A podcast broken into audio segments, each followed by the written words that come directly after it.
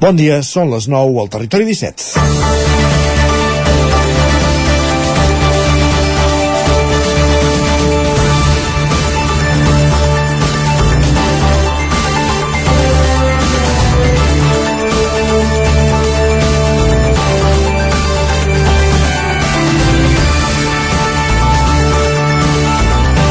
Segurament la imatge que millor definiria el sector porcí en els últims anys és el d'una muntanya russa, és la d'una muntanya russa.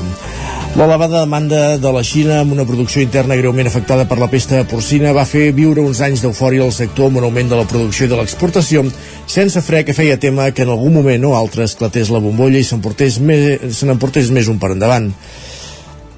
La caiguda de la demanda del gegant asiàtic s'ha anat compensant en part amb d'altres països amb un consum creixent. Les exportacions, però, van acabar caient l'any passat més d'un 5%. El que preocupa ara sobretot al sector és la falta de porc als escorxadors. Hi ha diversos factors que expliquen aquesta falta de caps de bestiar. La rosalia, el nom amb el que es coneix popularment entre el sector porcí una malaltia respiratòria que afecta el bestiar i que després de ser detectada en granges de Girona ja s'ha estès per tot l'estat espanyol i que està portant de corcoll al sector. També la prohibició de l'ús de l'òxid de zinc a l'alimentació dels animals i que servia d'antídot per algunes malalties també per tenir el, pot tenir els seus efectes.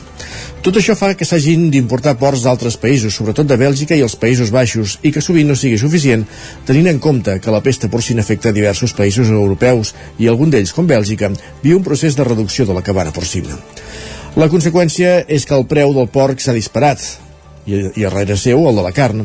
En el cas del garrí, el preu és de gairebé el doble que fa un any. Els sindicats temen que els principals afectats d'aquesta manca de porc sigui la baula més dèbil de la cadena, els treballadors.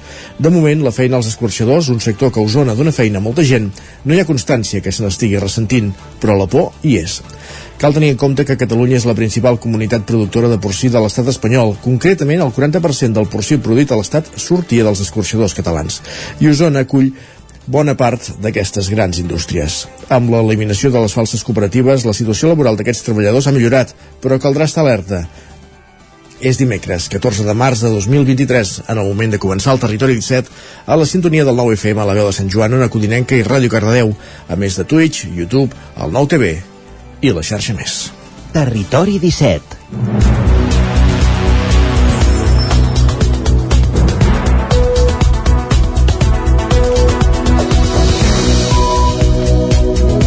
3 minuts passen ara mateix de les 9 del matí en el moment de començar el Territori 17, el magazín de les comarques del Vallès Oriental, Osona, el Ripollès i el Moianès, que us fa cada dia companyia durant dues hores entre les 9 i les 11 del matí, des d'ara i fins les 11. De quina manera, amb quins continguts? Us els avancem tot seguit. Avancem al menú del dia. En aquesta primera mitja hora ens dedicarem a repassar les notícies més destacades de les nostres comarques, l'actualitat del territori 17. Farem un cop d'ull a la previsió del temps, en companyia d'en Pep Acosta, el nostre home del temps, i anirem al quiosc. En Sergi Vives recollirà les portades dels diaris del dia. A partir de dos quarts de deu del matí pujarem al tren a l'R3 a la trenc d'Alba amb l'Isaac Muntades des de la veu de Sant Joan, recollir les cròniques dels oferts usuaris de la línia de tren, del nostre tren de cada dia, de la línia Barcelona-Vic-Ripoll-Puigcerdà.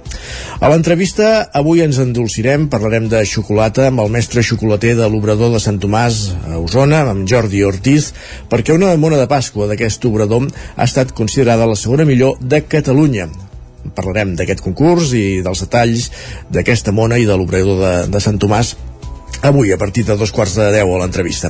Acabarem aquesta primera hora, arribarem a l'equador del programa amb una nova càpsula d'experiències, de, d'objectius de desenvolupament sostenible, d'ODS i música fins a les 10. Notícies a aquesta hora, la previsió del temps i avui el territori sostenible. En Jordi Givert, des d'una codinenca, ens descobriran fagedes al Moianès i a la recta final, a la darrera mitja hora del territori 17, després de capbussar-nos a Twitter amb en Guillem Sánchez, farem un cop d'ull a expressions i paraules en català amb la Cristina Enfruns, a la secció de llengua que ens acompanya cada 15 dies i al Lletra Ferits viatjarem fins a Ràdio Cardeu en companyia d'en Pol Grau. És el menú del territori 17 d'aquest matí de dimecres, 15 de març de 2023 i ara que passen 4 minuts i mig de les 9 del matí ens disposem a avançar les notícies de les nostres comarques, les notícies del territori 17, les notícies de les comarques del Vallès Oriental, Osona, el Ripollès i el Moianès. I comencem al Ripollès precisament perquè Junts per Catalunya formalitza la sortida de cinc dels seus consellers comarcals del govern del Consell Comarcal del Ripollès.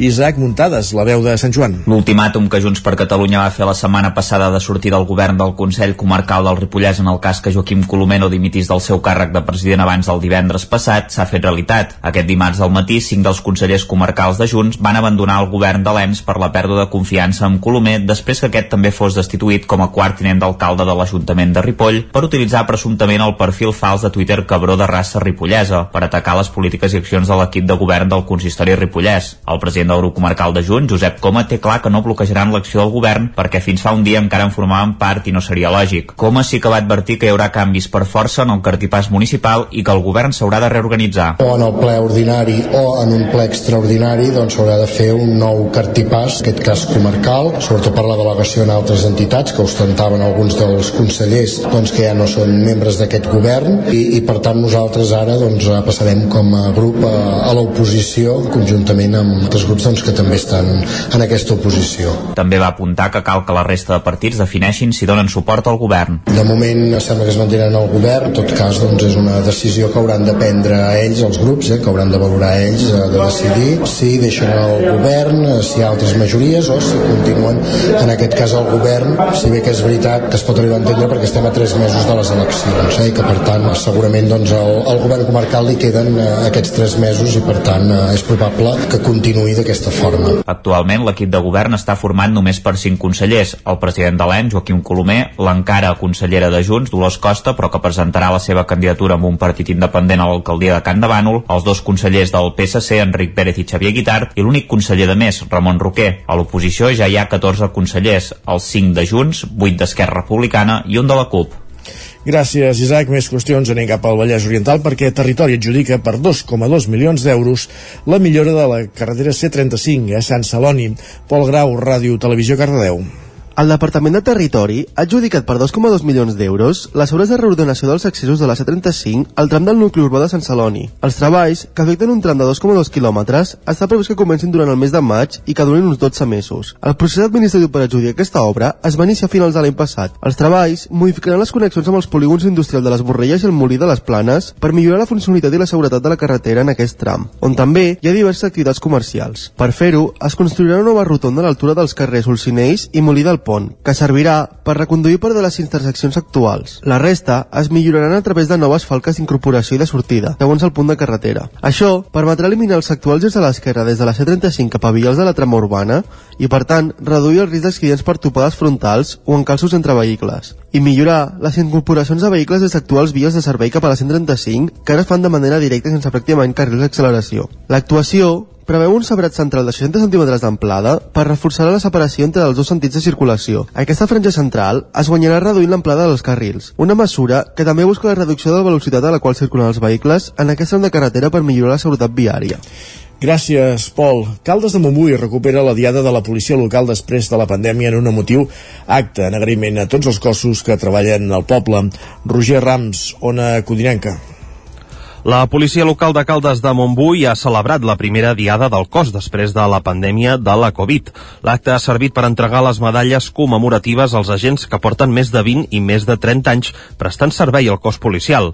Durant els discursos, el màxim responsable de la policia local, l'alcalde de Caldes, Isidre Pineda, ha aprofitat per posar en valor la tasca del cos. Aquest nou format de la celebració del Dia de la Policia eh, és herència de quan es celebraven el seu dia, el patró de la mateixa policia, amb aquesta voluntat de posar-se a disposició dels calderins i les calderines, de reconèixer aquells eh, agents que doncs, han destacat per la seva trajectòria amb més de 20 o 30 anys i també, evidentment, doncs, eh, s'ha fet un recordatori de, dels anys complicats que van suposar la mateixa pandèmia i que van impedir poder celebrar actes com aquests. Aquesta diada havia canviat de data, ja que tradicionalment s'havia celebrat el mes de setembre i també d'espai, ja que la cerimònia s'ha traslladat a la plaça de la Font de Lleó per tal d'apropar el cos i també la celebració a tota la ciutadania. L'acte ha servit també per reconèixer públicament la feina feta durant la pandèmia, tant pels agents de la policia local de Caldes com de les entitats i la resta de cossos d'emergència del municipi durant aquesta crisi sanitària. I també ha estat una, un reconeixement bonic per persones que han dedicat molt de temps des del voluntariat, eh, com a protecció civil, entitats com bombers voluntaris, i per tant doncs, ha estat un, una manera de reconèixer la tasca que fan els cossos de seguretat i emergències de Caldes de Montbui i aquesta renovació del compromís amb, amb la ciutadania de Caldes. Un dels moments més emotius de l'acte, que ha comptat amb la participació de més d'un centenar de persones, han estat les entregues de les medalles pel servei públic als agents més veterans. Gràcies, Roger. Més qüestions. Del 31 de març al 2 d'abril, Vic acollirà una nova edició del Mercat del Ram. Durant tres dies, la ramaderia i la tradició agrícola es donaran la mà amb la cultura i la gastronomia. Sergi Vives. Una proposta que després de la suspensió de l'any 2020 i del format adaptat del 2021 i del 2022 recupera dos espais emblemàtics, la plaça del Carbó i la Rambla del Passeig. Durant tot el cap de setmana s'hi establiran una quarantena de parades de productes agroalimentaris amb qualificació d'artesania o segell de venda de proximitat. N'ha parlat el regidor de Fires i Mercats, Titi Roca. Aquí trobarem tot el que són el, la zona de permuteria, la zona de, de tastos de, de, de diguéssim alimentaris hi haurà un, també un espai nou que tradicionalment el Mercat del Ram també l'aglutinava, que era un espai multisectorial amb més de, de 20 empreses i parades d'aquest sector i com no pot ser també l'espai diguéssim de turisme el tret de sortida el donarà la quarantena edició del Trofeu Internacional de Globus del Mercat del Ram. L'eix central del mercat, però, tornarà a ser la ramaderia. Una de les novetats de l'edició és la renovació de la Casa de Pagès que ocuparà tot el recinte firal del sucre. Serà precisament en aquest espai on s'hi desplegaran els concursos ramaders. Un d'ells serà el 39è concurs de canals porcines. N'ha parlat, n'ha donat més detalls un dels membres de la comissió, Albert Noguera. Bé, eh, aquest any eh, tornem a tenir un èxit èxit de participants, superem els 30 inscrits en el concurs català, hem tret el, el premi de màxima puntuació que teníem fins ara i ens quedem amb el premi, amb el premi de, de qualitat de la canal i de qualitat de la carn. També es farà el segon concurs morfològic nacional d'ovella ovina ripollesa, un certament eh, que comptarà amb 36 participants i que arriba en un dels anys més durs pel sector. N'ha parlat el secretari tècnic de l'Associació Nacional d'Ovella Ripollesa, Ramon Bach. Ha estat un any molt dur, en aquests moments és un any molt dur pel sector oví, per la sequera, per l'augment de preus de, de, dels productes bàsics que, que es fan falta per l'alimentació. Penseu que el bat de moro s'ha multiplicat per 3 el seu cost i és una de les bases de l'alimentació. El Mercat del Ram serà també el ressorgir d'un programa cultural que inclourà actuacions dels geganters i els castellers de la ciutat. També inclourà el segon Congrés de Bioeconomia, Innovació i Tecnologia amb una edició especial dedicada al biogàs. Més qüestions encara a Vic i encara parlant de mercats, l'Ajuntament de Vic ha presentat la marca del Mercat de Vic, Sergi. Amb la lletra de mercat resseguint la forma de la volta de la plaça Major que sosté la casa de la ciutat, és la imatge genèrica de la nova marca del Mercat de Vic, una icona inspirada en els mercats de França que pretén donar eh, força i incentivar l'històric mercat de la plaça Major de Vic, però també el dels sentits, que es fa cada diumenge al passeig de la Generalitat. Ho explica l'alcaldessa Anna R. Sabem que un dels grans reclams eh, per nosaltres i sabem que la nostra ciutat s'identifica molt el que és la nostra plaça, però sobretot el mercat de plaça, no? I volguem donar doncs, força donar més protagonisme a una cosa que per nosaltres és un gran tresor de la ciutat que és la nostra plaça i el nostre mercat per això avui nosaltres presentem aquesta, aquesta marca de, dels nostres mercats de Vic una marca que va començar a cuinar-se en plena pandèmia, un moment crític pels paradistes que durant un mes i mig van haver de suspendre la seva activitat. No va ser fins al 28 d'abril de 2020 que van poder tornar als seus escenaris habituals tot i les mesures de seguretat i higiene que anava fixant el Procicat. Superada ja la pitjor cara de la pandèmia, els marxants celebren que l'Ajuntament de Vic continuï apostant per incentivar un dels grans reclams de la capital osonenca. Joan Surinyac. La veritat que a Vic, a Vic i altres llocs de la Catalunya central doncs, ens han recolzat molt que no ha passat en altres llocs eh? i bueno, veig que estem en bona línia i que espero que, que les coses doncs, continuïn en aquest sentit la nova marca del Mercat de Vic lluirà a partir d'ara unes banderoles que penjaran de les 117 parades del Mercat del dimarts les 184 parades del Mercat dels dissabtes i també les 32 parades del Mercat dels Sentits. Cadascuna lluirà un disseny en funció del seu sector, representat també amb les diferents voltes de la plaça. Ho explica la regidora de Comerç, Bet Piella. Per sort, ens va quadrar molt que els diversos sectors de les ciutats estan posats en les diferents en els diferents bandes, exacte, i a Casa Costa troba i complements, les flors on estan? A sota Casa Tolosa, doncs hem fet servir la de Casa Tolosa, aquí al cantó diguem del Merma sempre hi posem el producte de temporada i per tant hem fet servir la volta de Casa Bauló. A dalt que hi posem alimentació Casa Cortina eh, situem-nos al Viena. I finalment eh, la part de llar i complements i hem posat la, eh, la de Casa Moixó eh, perquè és aquella banda la campanya es, es complementarà amb unes bosses estampades amb la nova marca que es distribuiran a la clientela dels mercats. Dissabte, Xavier Cervera oferirà una visita guiada pel mercat que repassarà la seva història des del segle IX fins l'actualitat. La Fira de l'Arbre i la Natura de Muntanyola celebra la seva 26a edició. L'Ajuntament, però, està treballant en un replantejament de la mostra per evitar que s'estanqui, Sergi. L'entorn de l'església de Muntanyola es va omplir d'activitat aquest diumenge en la 26a edició de la Fira de l'Arbre i la Natura. El temps va acompanyar un factor clau per l'èxit de la mostra, segons l'alcalde Carles Morera.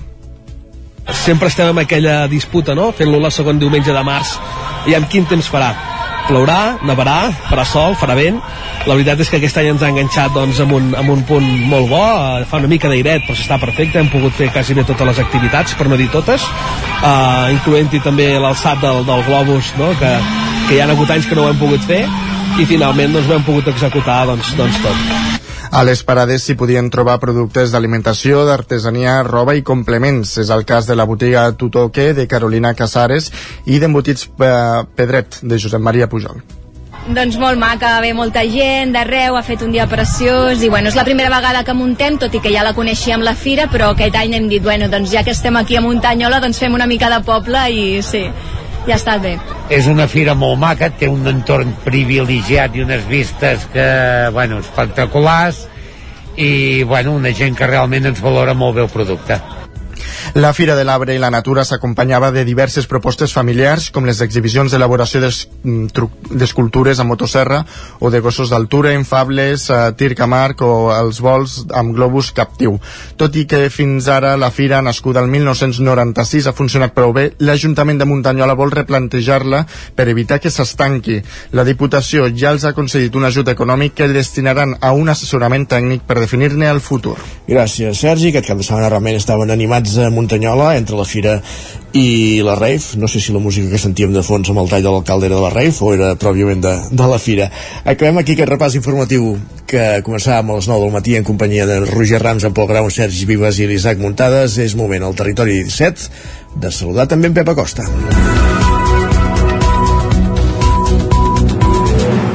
Doncs va, anem cap a una codinenca perquè volem saber quin temps farà avui.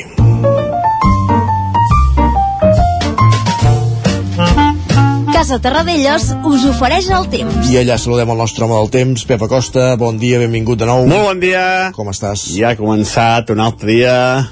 Ja som dimecres, va avançant la setmana a passos agegantats, igual que el mes de març, que està anant molt i molt de pressa. I ja estem aquí, un dia més a l'espai del temps. El que hem de dir és que les temperatures mínimes han baixat una mica.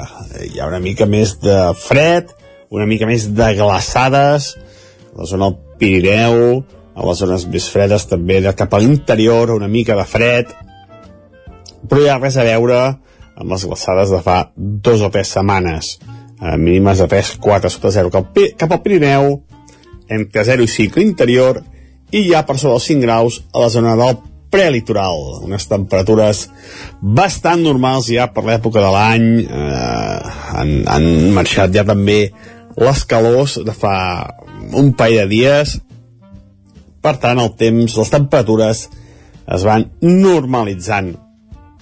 Eh, continuem amb aquest ambient eh, bastant assolellat, eh, tenim un anticicló que és el gran protagonista, ahir el vent també destacat, atenció amb els incendis forestals que ja comencen a, a ser una mica importants cap, a, cap al sud. Degut sobretot ahir aquestes ratxes de vent molt fortes que van haver en aquella zona. Uh, però és que som al mes de març eh? mes de març i ja hi ha algun incendi forestal important. Uh, notícies en dubte molt, molt dolenta, molt poc esperançadora. Aquestes notícies sobre aquests focs que ja hi ha ara al mes de, de març Uh, avui el vent afluixarà, aquesta és la bona notícia, a les zones d'on hi ha el foc es poden controlar més fàcilment el foc, perquè el vent afluixarà, i, uh, i per contra no tindrem precipitacions un altre dia. Ahir van creixer unes nuvolades cap a les, les Guilleries, cap a Montseny, van deixar quatre gotes en alguna zona, uh, molt, molt poca cosa. Realment, la sequera és molt important i no, no, no es veu cap símptoma de, de recuperació, de, de, de, no es veu cap perturbació important a, a, la, a la vora, mm, un, un, un temps eh, molt, molt, molt preocupant, eh? és que ja fa molts dies que ho vaig dient i és que no, no, no, no és la solució per enlloc. Aquesta tarda eh, també pot créixer una nuvolada, eh, no es descarten quatre gotes, quatre gotes es creien a caure igual que ahir, però vaja, molt, molt poca cosa. Les temperatures màximes semblants a la majoria entre els 15 i els 18 graus. Eh, temperatures normals per l'època de l'any eh, tal com ha de ser. Cap gran fredurada cap gran calorada. Per tant, les temperatures molt normals per l'època de l'any. I com deia, vents més febles, ahir que va bufar força, va bufar forts, avui ha molt més febles aquests vents. I cap cosa més destacat, a destacar. Uh, continuem amb aquest anticicló, uh, temps estable, els fronts lluny, els, els fronts lluny de casa nostra, uh, aviam, aviam si un dia comença a venir la pluja que, que no, es veu, no es veu per enlloc. Moltes gràcies, adeu, bon dia. Gràcies, Du, Pep. Parlem d'aquí una estona. I ara el que fem tot seguit és anar cap al quiosc. Casa Tarradellas us ha ofert aquest espai perquè és moment de saber quines són les portades dels diaris del dia i aquesta feina d'anar fins al quiosc i buscar les portades i portar-nos a l'antena del territori 17 ens el fan Sergi Vives cada dia Sergi, què destaquem avui? Per on comencem? Doncs va, comencem pel punt avui que encapça la portada amb el titular Aliments desbocats. Diuen que el preu de, del menjar s'encareix prop del 15% en l'últim any i eleva l'IPC de febrer al 5,6%. Afegeixen que la rebaixa de l'IVA dels aliments bàsics decretada per la Moncloa no ha evitat aquesta escalada. També expliquen que la Generalitat recupera la famosa campanya del 2005 de la Queta i l'actualitza per fomentar l'ús social del català. Enguany no només hi haurà un personatge, sinó que s'ha multiplicat per donar veu als diferents accents. La iniciativa inclou espots a xarxes i mitjans, accions territorials i la recopilació en un web de recursos educatius. El periòdico diu que la sequera extrema aboca Catalunya a un escenari d'incendis catastròfics. Expliquen que el clima dificulta les tasques de prevenció i la falta de pluja compromet els punts d'aigua clau per a l'extinció. Govern, bombers i rurals alerten d'una tempesta perfecta i es preparen per a un estiu molt complicat. Per altra banda, diuen que la investigació del cas Negreira remuntarà al 2010 tot el mandat de Sandro Rossell. Expliquen que la Fiscalia veu necessari requerir al Barça les factures per les quals va pagar 2 milions d'euros a dues empreses de l'exdirigent arbitral entre el 2011 i 2014 i deixa la porta oberta a noves imputacions. La Vanguardia explica que la llei Mordassa del PP queda intacta en fracassar l'intent de reforma. Expliquen que la divisió en bloc d'investidura amb el no d'Esquerra, Junts i Bildu arruïna un any i mig de negociació. Per altra banda, diuen que Biden es desdiu de la promesa i autoritza treure petroli a Alaska. Expliquen que el president dels Estats Units permetrà l'extradició de 180.000 barrils diaris.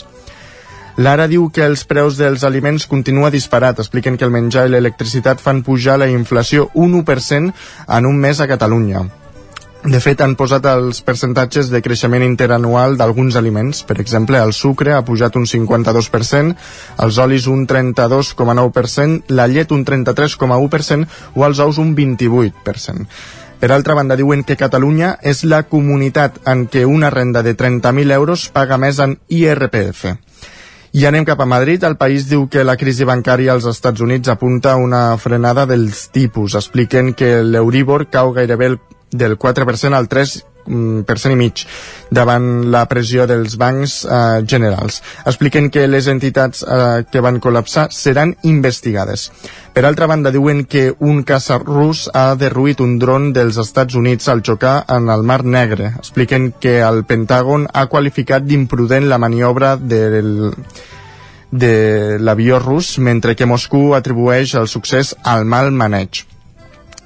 L'ABC diu que Educació cancela gairebé 25 milions en fons europeus per causes sobrevingudes. Expliquen que 450 empreses i ONGs ja havien rebut la notificació de la concessió per cursos de formació. Afegeixen que es compromet a solucionar l'error en la pròxima convocatòria. El Mundo diu que la princesa Leonor començarà la formació militar que va fer al seu pare expliquen que a l'agost començarà els estudis acadèmics eh, dels tres exèrcits amb una durada total de 3 anys. I la formació universitària després, eh? no fos cas. En fi, és, bueno, és, és més important de l'exèrcit, no? És, és espectacular quin món viuen. De fet, és una qüestió que el PSOE ha amagat al seu soci de govern, a Podem, sí, sí. fins al dia d'ahir. Eh? De fet, ho va aprovar el Consell de Ministres, sí. Clar, clar. És així.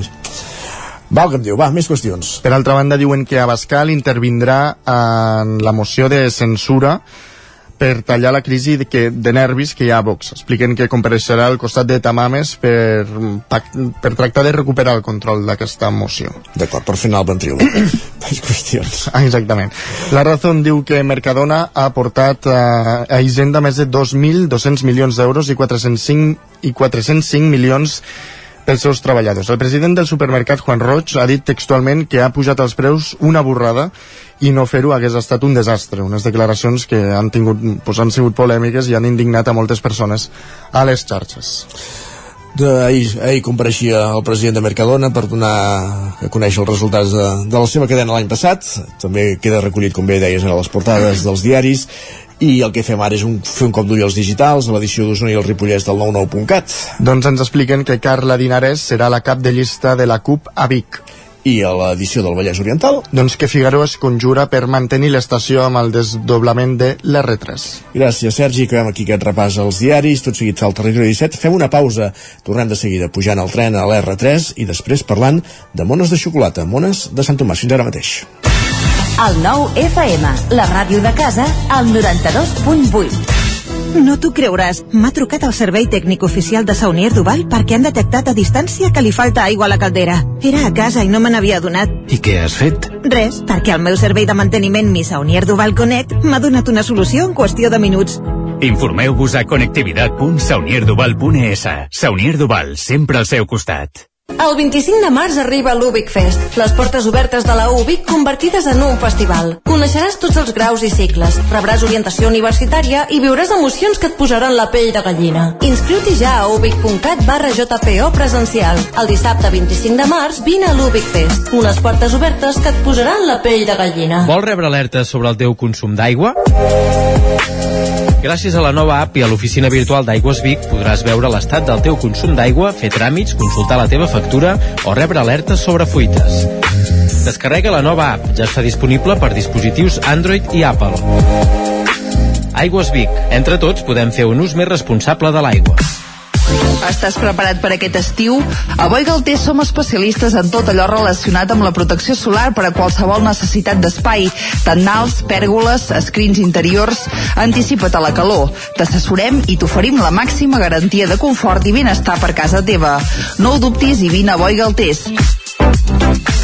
Ens trobaràs al carrer Jaume I de Vic número 5 al 93 886 1420 a la nostra web www.boigaltes.com i també som a Instagram boigaltes.tendals.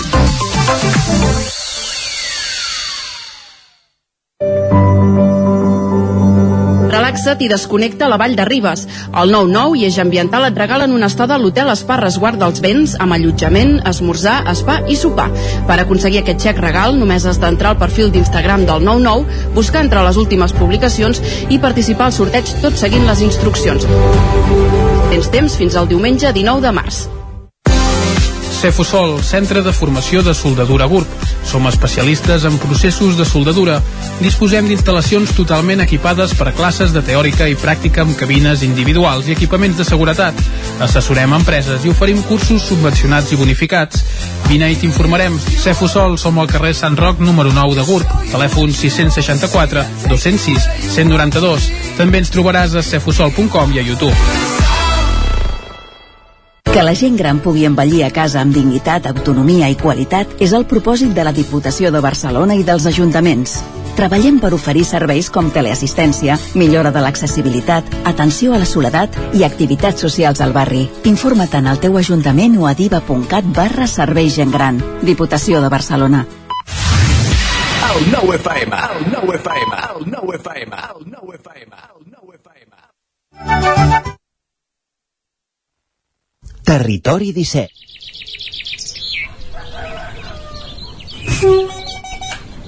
A Tren d'Alba. Cada dia els usuaris i usuàries de la línia R3 de Rodalies que veuen sortir el sol des d'un vagó ens expliquen les gràcies i les penes del primer comboi que uneix Ripoll i Barcelona o les feixugues jornades amb el tren després de treballar.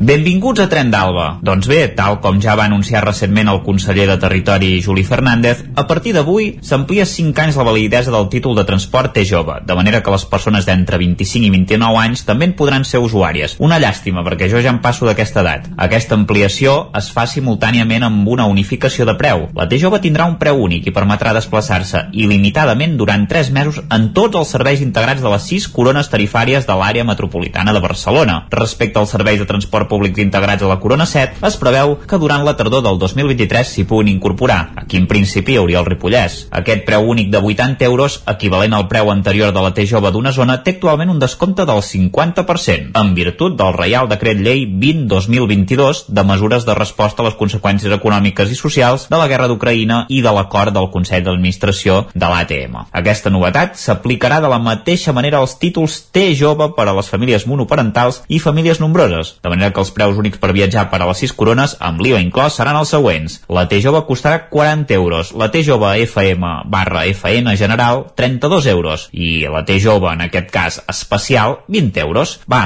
ens retrobem demà amb més històries del tren i de l'R3. Territori 17, el 9 FM, la veu de Sant Joan, Ona Codinenca, Ràdio Cardedeu, Territori 17. Passen dos minuts a dos quarts de 10 del matí.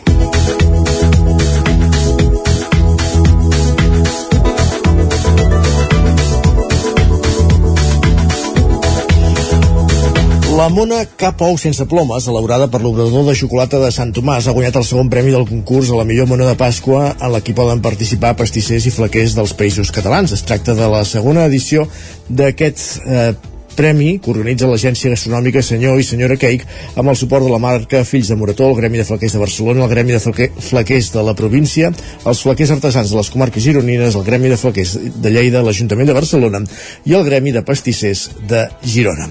Per parlar d'aquest premi, d'aquest segon premi per aquesta mona de Pasqua de l'obrador de Sant Tomàs, ens acompanya ara mateix el mestre xocolater d'aquest obrador de, de Sant Tomàs, Jordi Ortiz, a qui donem la, la benvinguda al Territori 17. Benvingut, bon dia. Bon dia. Uh, primer de tot, enhorabona per aquest guardó, uh, tenint en compte que és el segon any que, que se celebra aquest, aquest concurs i en el que us heu presentat amb, amb aquesta mona uh, i que ha estat reconeguda amb aquest, amb aquest segon premi. Uh, entenc que molt contents en aquest aspecte, no? Sí, la veritat que, que estem molt contents d'haver quedat segons amb aquest, amb aquest concurs i també bueno, felicitar els nois que, que m'acompanyen, tot, tot, tot l'equip que tinc darrere. Uh -huh. Ara parlarem de les particularitats de, de l'obrador de, de Sant Tomàs. Parlem primer d'aquesta mona. Explica'ns una mica les característiques d'aquesta mona, que és el que ha fet seduir el jurat, diguéssim, no? per, per donar-li aquest, aquest segon premi. Bueno, jo, jo de l'ou de xocolata, del clàssic ou de xocolata, i sempre, sempre amb, els pastissos hi havia moltes plomes, eh, per Pasqua sempre hi ha moltes plomes i la meva intenció va ser fer alguna modern amb, el, amb la peculiaritat de que l'ou fos el principal eh, mitjà de, de la peça i cobrint tot, tot el que és l'ou amb plomes de xocolata tipus els, els, els indis americans, Mhm. saps? Doncs fer com una corona tot de plomes eh, sobre el centre de, de l'ou. Mhm. Saps? Aquesta va ser la intenció. Això qui ens escolti per la ràdio no ho pot veure, qui ens vegi per qualsevol dels canals que, que ens poden veure, sigui el Nou TV, YouTube, eh, Twitch, la xarxa més, eh, la mona és la que tenim a, a darrere teu a la imatge, eh, diguéssim? Això mateix. Molt bé, aquí veiem aquestes plomes de, de xocolata blanca, entenem, i per tant la particularitat d'aquestes plomes és que es poden menjar també. Això. Molt bé. Es pot menjar, tot, tota la peça es pot menjar. L'obrador de Sant Tomàs és ja un dels projectes que... l'ob- L'obrador de xocolata de Sant Tomàs ja és un dels projectes de Sant Tomàs que fa alguns anys que, que camina, diguéssim, i per Pasqua cada any presenteu la mona, eh, en altres èpoques de l'any presenteu altres productes. La particularitat d'aquest obrador és que permet donar feina a usuaris de, de Sant Tomàs, l'entitat de la comarca d'Osona que fa més de 40 anys que treballa per les persones amb, amb discapacitat. Eh, quina és la particularitat d'aquest obrador eh, des del teu punt de vista com a mestre xocolater? Mira, aquest obrador, per explicar-te una mica la història, eh, es va fa cinc, més o menys 5 anys que, que vam obrir, vaig començar jo sol i vam començar eh, eh, hi havia com 30 metres quadrats d'obrador i m'ajudava una, una usuària, i érem dos. Ara, al dia d'avui, ja, ja som set treballadors fixes, que dels set, cinc són amb discapacitat, i després tinc el centre ocupacional que, que el tenim al costat, i poden venir a treballar eh, els nois que vulguin. Vull dir, depèn de les necessitats de l'obrador. Pintem bombons, els bombons els pinten els nois, saps? A vegades entren 10 nois, a vegades entren 15, a vegades entren 5, saps? Depèn de les necessitats. Ells envasen, eh, piquen les rajoles dintre, de, dintre de les bosses, pinten els bombons, pinten els ous. Per exemple, nosaltres fem un ou que és solidari, que és pintat per els usuaris d'aquí de Sant Tomàs. Dir, tots els nois de, de, del centre ocupacional d'aquí Calla Atenes pinten un ou de xocolata, mínim un ou. I no n'hi ha cap d'igual, saps? Eh, El maco és que en veuràs 200 ous i no n'hi ha cap d'igual. Saps? I la veritat que els agrada molt el projecte, és un projecte social molt maco i que cada cop, vull dir, cada any anem, anem creixent. I la veritat que, que ens va molt bé perquè comencem a tenir bastants clients. Molt bé. Una mica expliques quin tipus de productes fabriqueu durant l'any, perquè està clar que, que ara per Pasqua toquen mones, però diguéssim l'obrador funciona tot l'any, per tant, quin tipus de, de producte teniu i fixa i quin altre més estacional, per entendre'ns, i llavors ja parlarem també de, de, de la distribució de plegat, però ara parlem una mica de, dels productes que, que elaboreu. Mira, de productes tenim rajoles de xocolata, eh, tenim rajoles de xocolata d'una rajola blanca a una rajola origen, saps, d'un 80% de cacau, fem bombons, bombons artesans, eh, fem torrons per la campanya Nadal, fem torrons, fem la Pasqua, realment són, són aquests productes, eh, els que toquem durant tot l'any, però sobretot rajoles, rajoles estem fent per, estem, som distribuïdors, per exemple, de Turris, són unes pleques de Barcelona, els hi fem unes rajoles de xocolata, aquest any, per exemple, estem fent mones de xocolata per eh, als supermercats Balbi, tenim també per bon preu, esclat, per tot Catalunya, vull dir, al bon preu que hi vagis trobaràs una mona de Sant Tomàs, vull dir, Sant Tomàs ja, ja ha sortit de la comarca, saps? Vull dir, ja, ja estem arribant al nostre producte a tot Catalunya. Molt bé. I, i el principal és això, rajoles de xocolata, eh, bombons, torrons i mones, saps? És, és el que més tocat.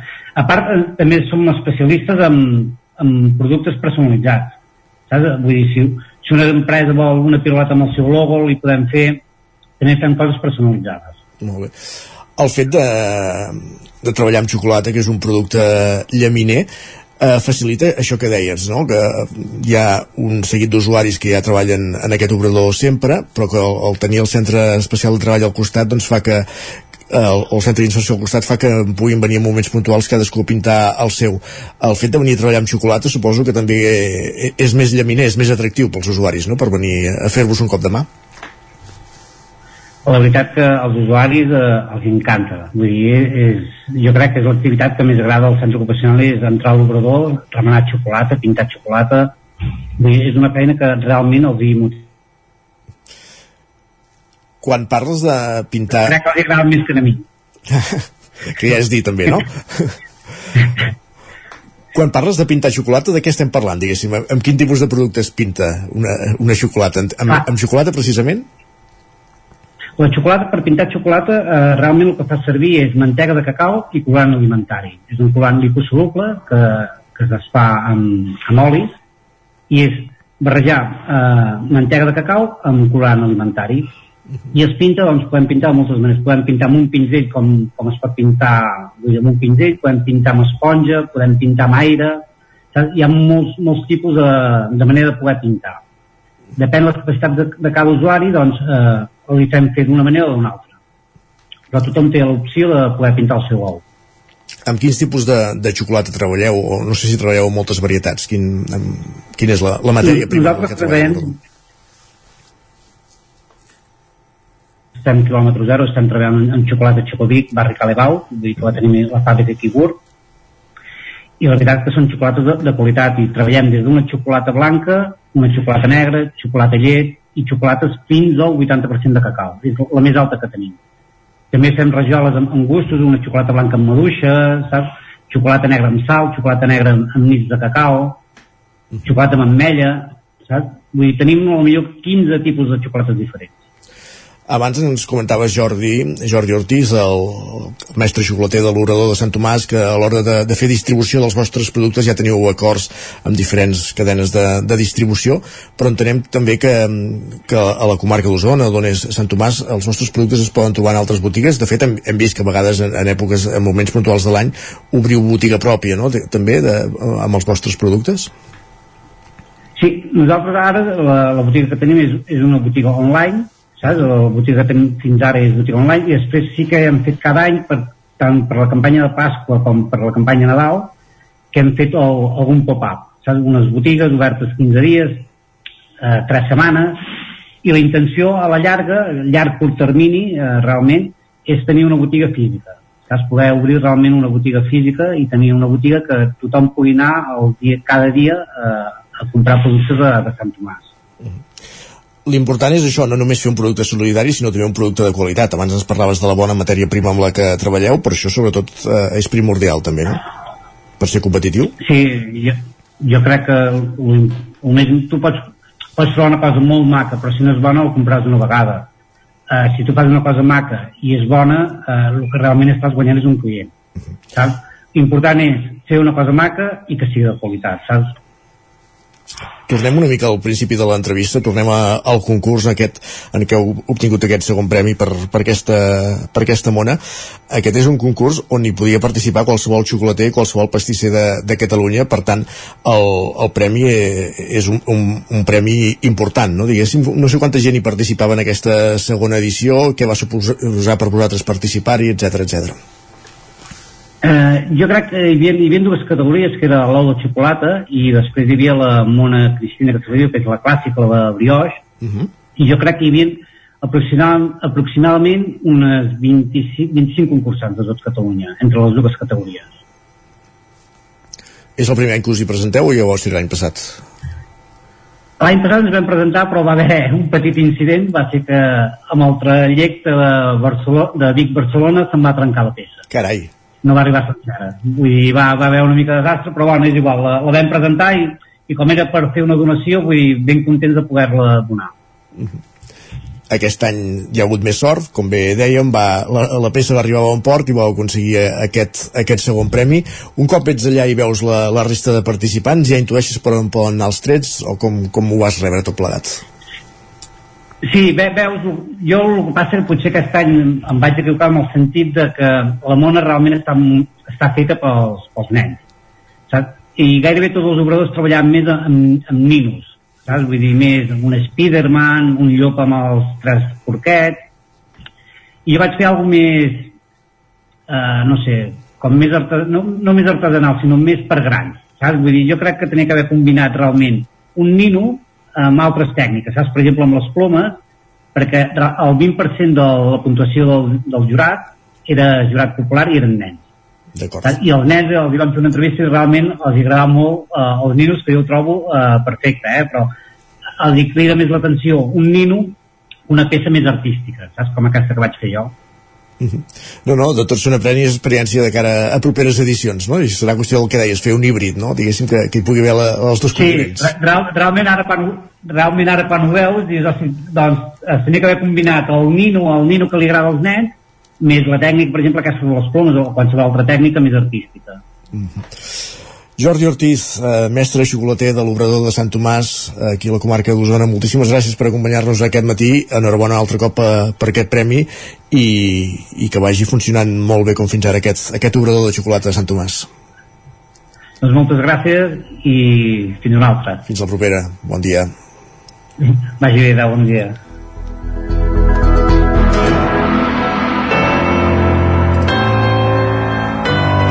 Territori, Territori 17. 17. Territori 17.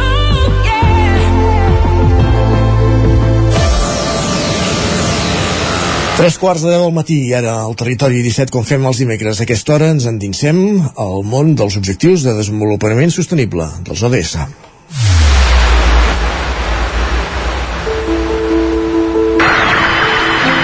Porque yo podría y me atrevería a decir el individuo no es más que un eslabón, un pequeño eslabón en una larguísima cadena, cuyo origen se pierde en la noche de los tiempos y cuyo fin está todavía por forjar.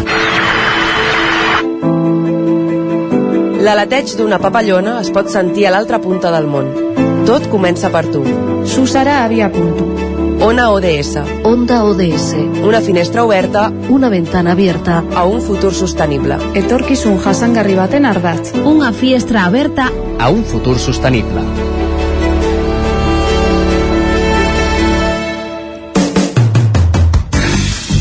Delicades, un podcast per posar llum als nostres desitjos i passar-nos pel cony les nostres delicadeses. Que tenga cinco hijos no quiere decir que he aprendido mucho. Quiere decir que me he abierto de piernas, no que tenga mucha experiencia sexual. De més jove estava més pel plaer de l'altra persona que pel meu. Ara penso en mi, amb el meu plaer, i noto com a més connexió, que tot flueix més. Amb l'exparella disfrutava, però mai arribava. Sempre tenia que estimular-me, pensava que jo era d'orgasme lent. De fet, a la parella actual li vaig dir que sàpigues que sóc d'orgasme lent. I de seguida me'n vaig adonar que d'orgasme lent res, o sigui, que no era culpa meua. Vergonyes fora. Doncs així arrenca un dels 10 podcasts Delicades, el podcast de l'Associació Lica de Lleida, on es parla de sexualitat feminista.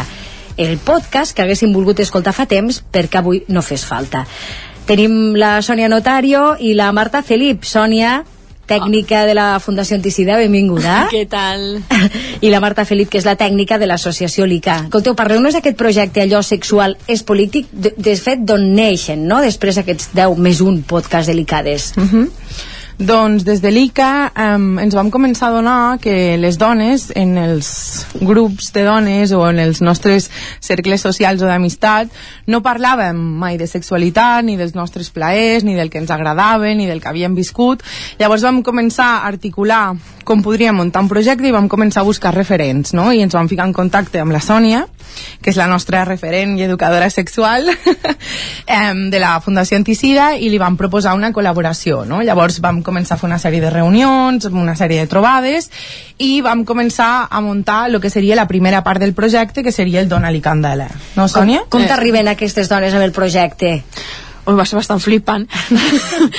Vull dir, perquè, clar, la idea dels podcasts era superinteressant i, a més, com construir-los, que era a través de, de, de realitats que totes estàvem atravessades per aquestes realitats, però que no les havíem fet clar. visibles. O volíem, sí, però volíem, en petit comitè, molt clar, petit, molt clar, petit. I volíem com el testimoni de, de població real, no? de, de col·lectius de dones diferents, de diferents edats, de diferents perfils, per extreure aquests testimonis que ens, que ens aportessin una mica de llum, no? És a dir, volíem la realitat. Exacte, no? Vull dir, tal qual, la volíem Clar, la realitat. I va ser molt interessant, vull dir, perquè realment primer eh, vam escollir pues, aquesta població diana, que ho tenia molt clar des de l'associació LICA, i després vam començar a construir el com podríem crear aquests grups i com esdevendrien una miqueta el que eren les sessions, perquè clar, vull dir, potser hi havia grups que alguna de nosaltres podríem conèixer les persones que, que els formessin, uh -huh. però mm, la gran majoria arribaríem a grups Clar. que no teníem ni idea ni qui eren, i lo pitjor el pitjor per elles, eh? era que no sabien qui érem nosaltres Clar, amb clar. la qual s'afrontaven Sí. a que vinguessin una, unes dones a obrir uns melons, però... Mm, Sense saber ben bé què passaria. Sí, molt íntims. Clar, clar. I llavors això tira una mica enrere, amb la qual vull dir, volem Sí. donar les gràcies, és que no ens cansarem mai de Sí, donar les gràcies totalment. perquè ha sigut brutal, vull dir, l'acollida Sí. i aquesta I obertura sense, que hem tingut. I sense la participació d'aquestes dones no hagués sigut Impossible. possible el nostre projecte, no? ni la creació dels podcasts, ni tot això. Llavors, amb aquestes reunions vam començar a pensar quins blocs temàtics tocaríem en aquestes sessions, pues una mica per catalitzar aquests relats de les dones i que, i que trencar una mica el gel i que s'anessin soltant, no? Això va ser com la segona part, que és el Dona-li Candela, no? No, la primera, la primera. La primera va ser... No, la primera va ser la ideació, no? Sí, Quan diguéssim, se- bueno, sí, sí, perdó, perdó. La- Llavors, la segona part, el Dona-li Candela, on se van crear aquests grups i es van realitzar aquestes sessions. On es realitzen aquestes sessions i, i quanta gent, quantes di- dones hi van dir sí, jo hi en- vaig a parlar a coro verd Mm. o a conyo verd de la meva sexualitat. No? m'ha això. A conyo verd, mole, mole. Pues la el veri- cony de la ciutat. La veritat... Fer aquí...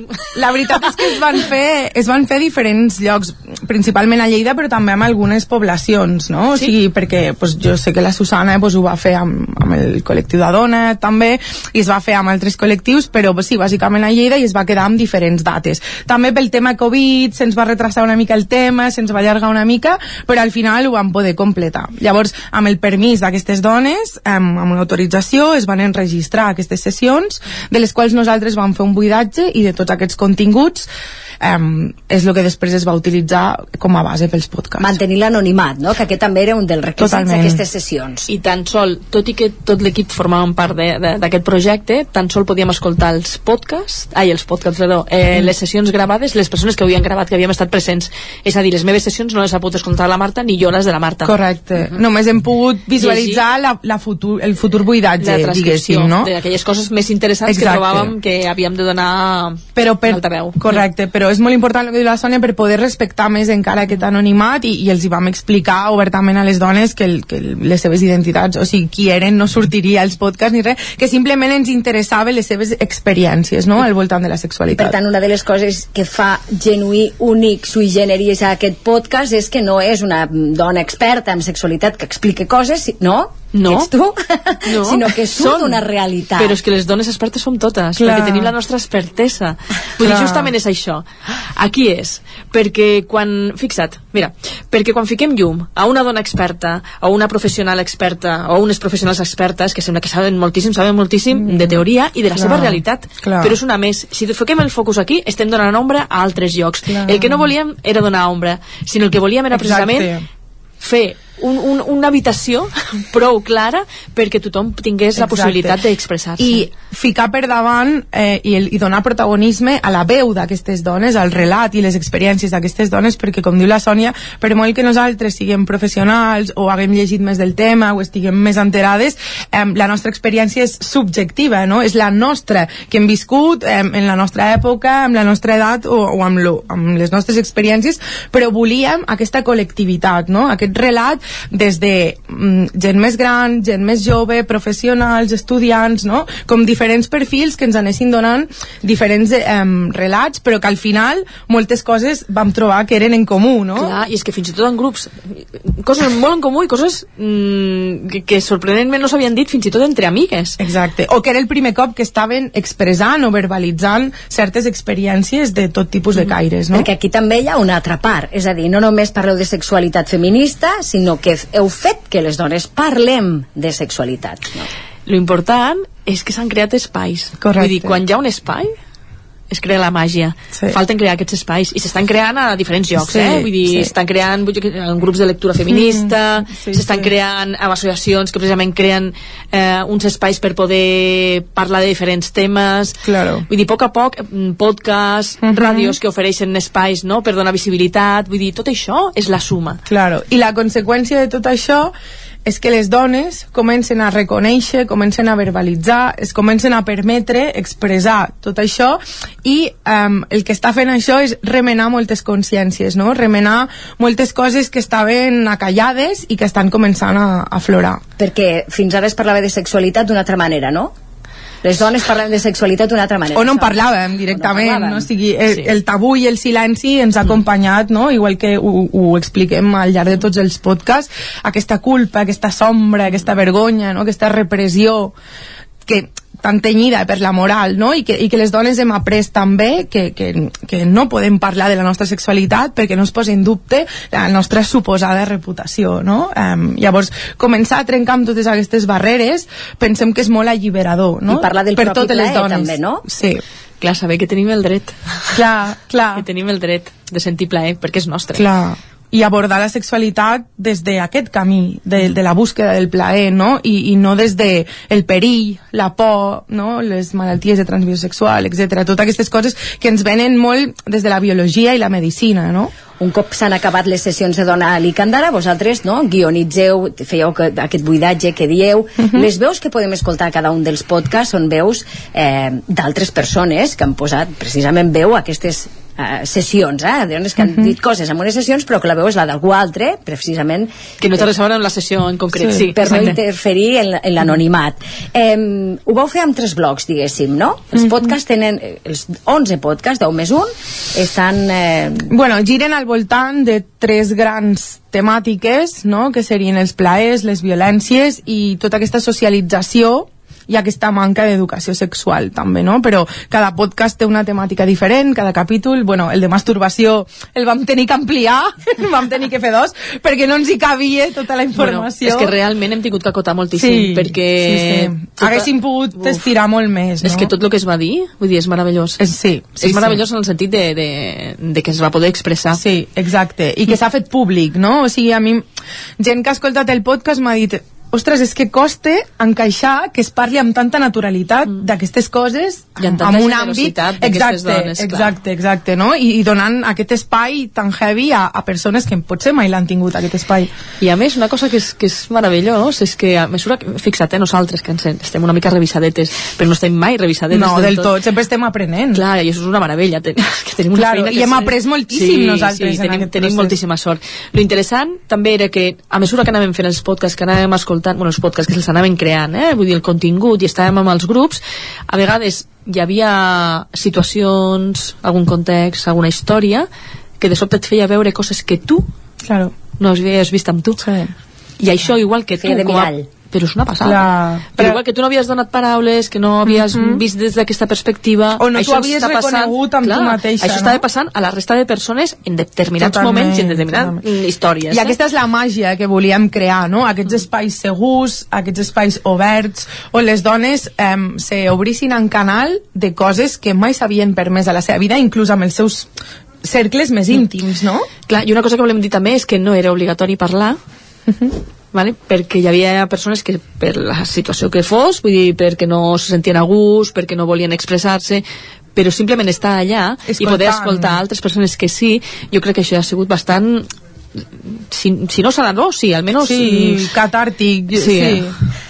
Podem escoltar els podcasts a iVox, són gratuïts, aquesta és la part important, no? que després de tot Mhm. aquest buidatge s'han realitzat 10 podcasts, que els podem escoltar mm, totes i tots. Les vegades que vulgueu. Les vegades que vulguem, eh, gratuïts, com deia, a la plataforma iVox, i a més a més hi ha recursos bi eh, bibliogràfics i, i audiovisuals que podem també descarregar-nos o trobar a la pàgina web de l'associació Sí. LICA, és així? Sí, tots aquests recursos que se van anomenant al llarg dels podcasts, no? cada recurs està relacionat amb la temàtica de cada capítol i nosaltres els anem mencionant. Tots aquests els podeu trobar a la web de l'ICA i, i accedir a aquests recursos també, a part d'escoltar els podcasts.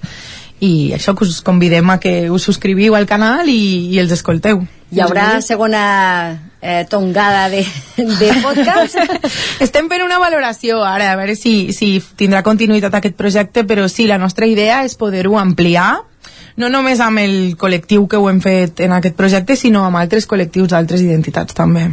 Doncs Sònia Notario i Marta Felip, eh, tècnica de la Fundació Anticida, la Sònia Notario i tècnica de l'associació LICA, la Marta Felip, gràcies per ser-hi i enhorabona. Moltes gràcies a vosaltres també per participar. Moltes gràcies i educació sexual sempre i a tot arreu.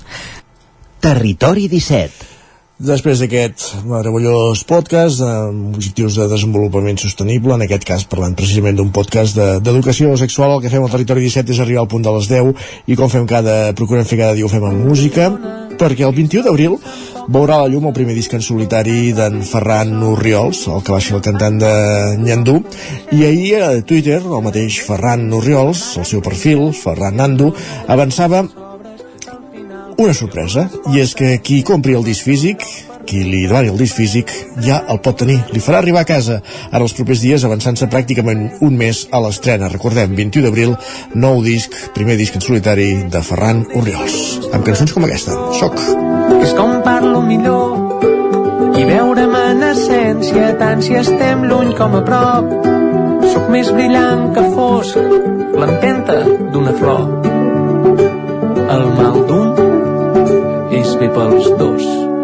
I això ens fa més grans. I això ens fa més forts. I això ens fa l'amor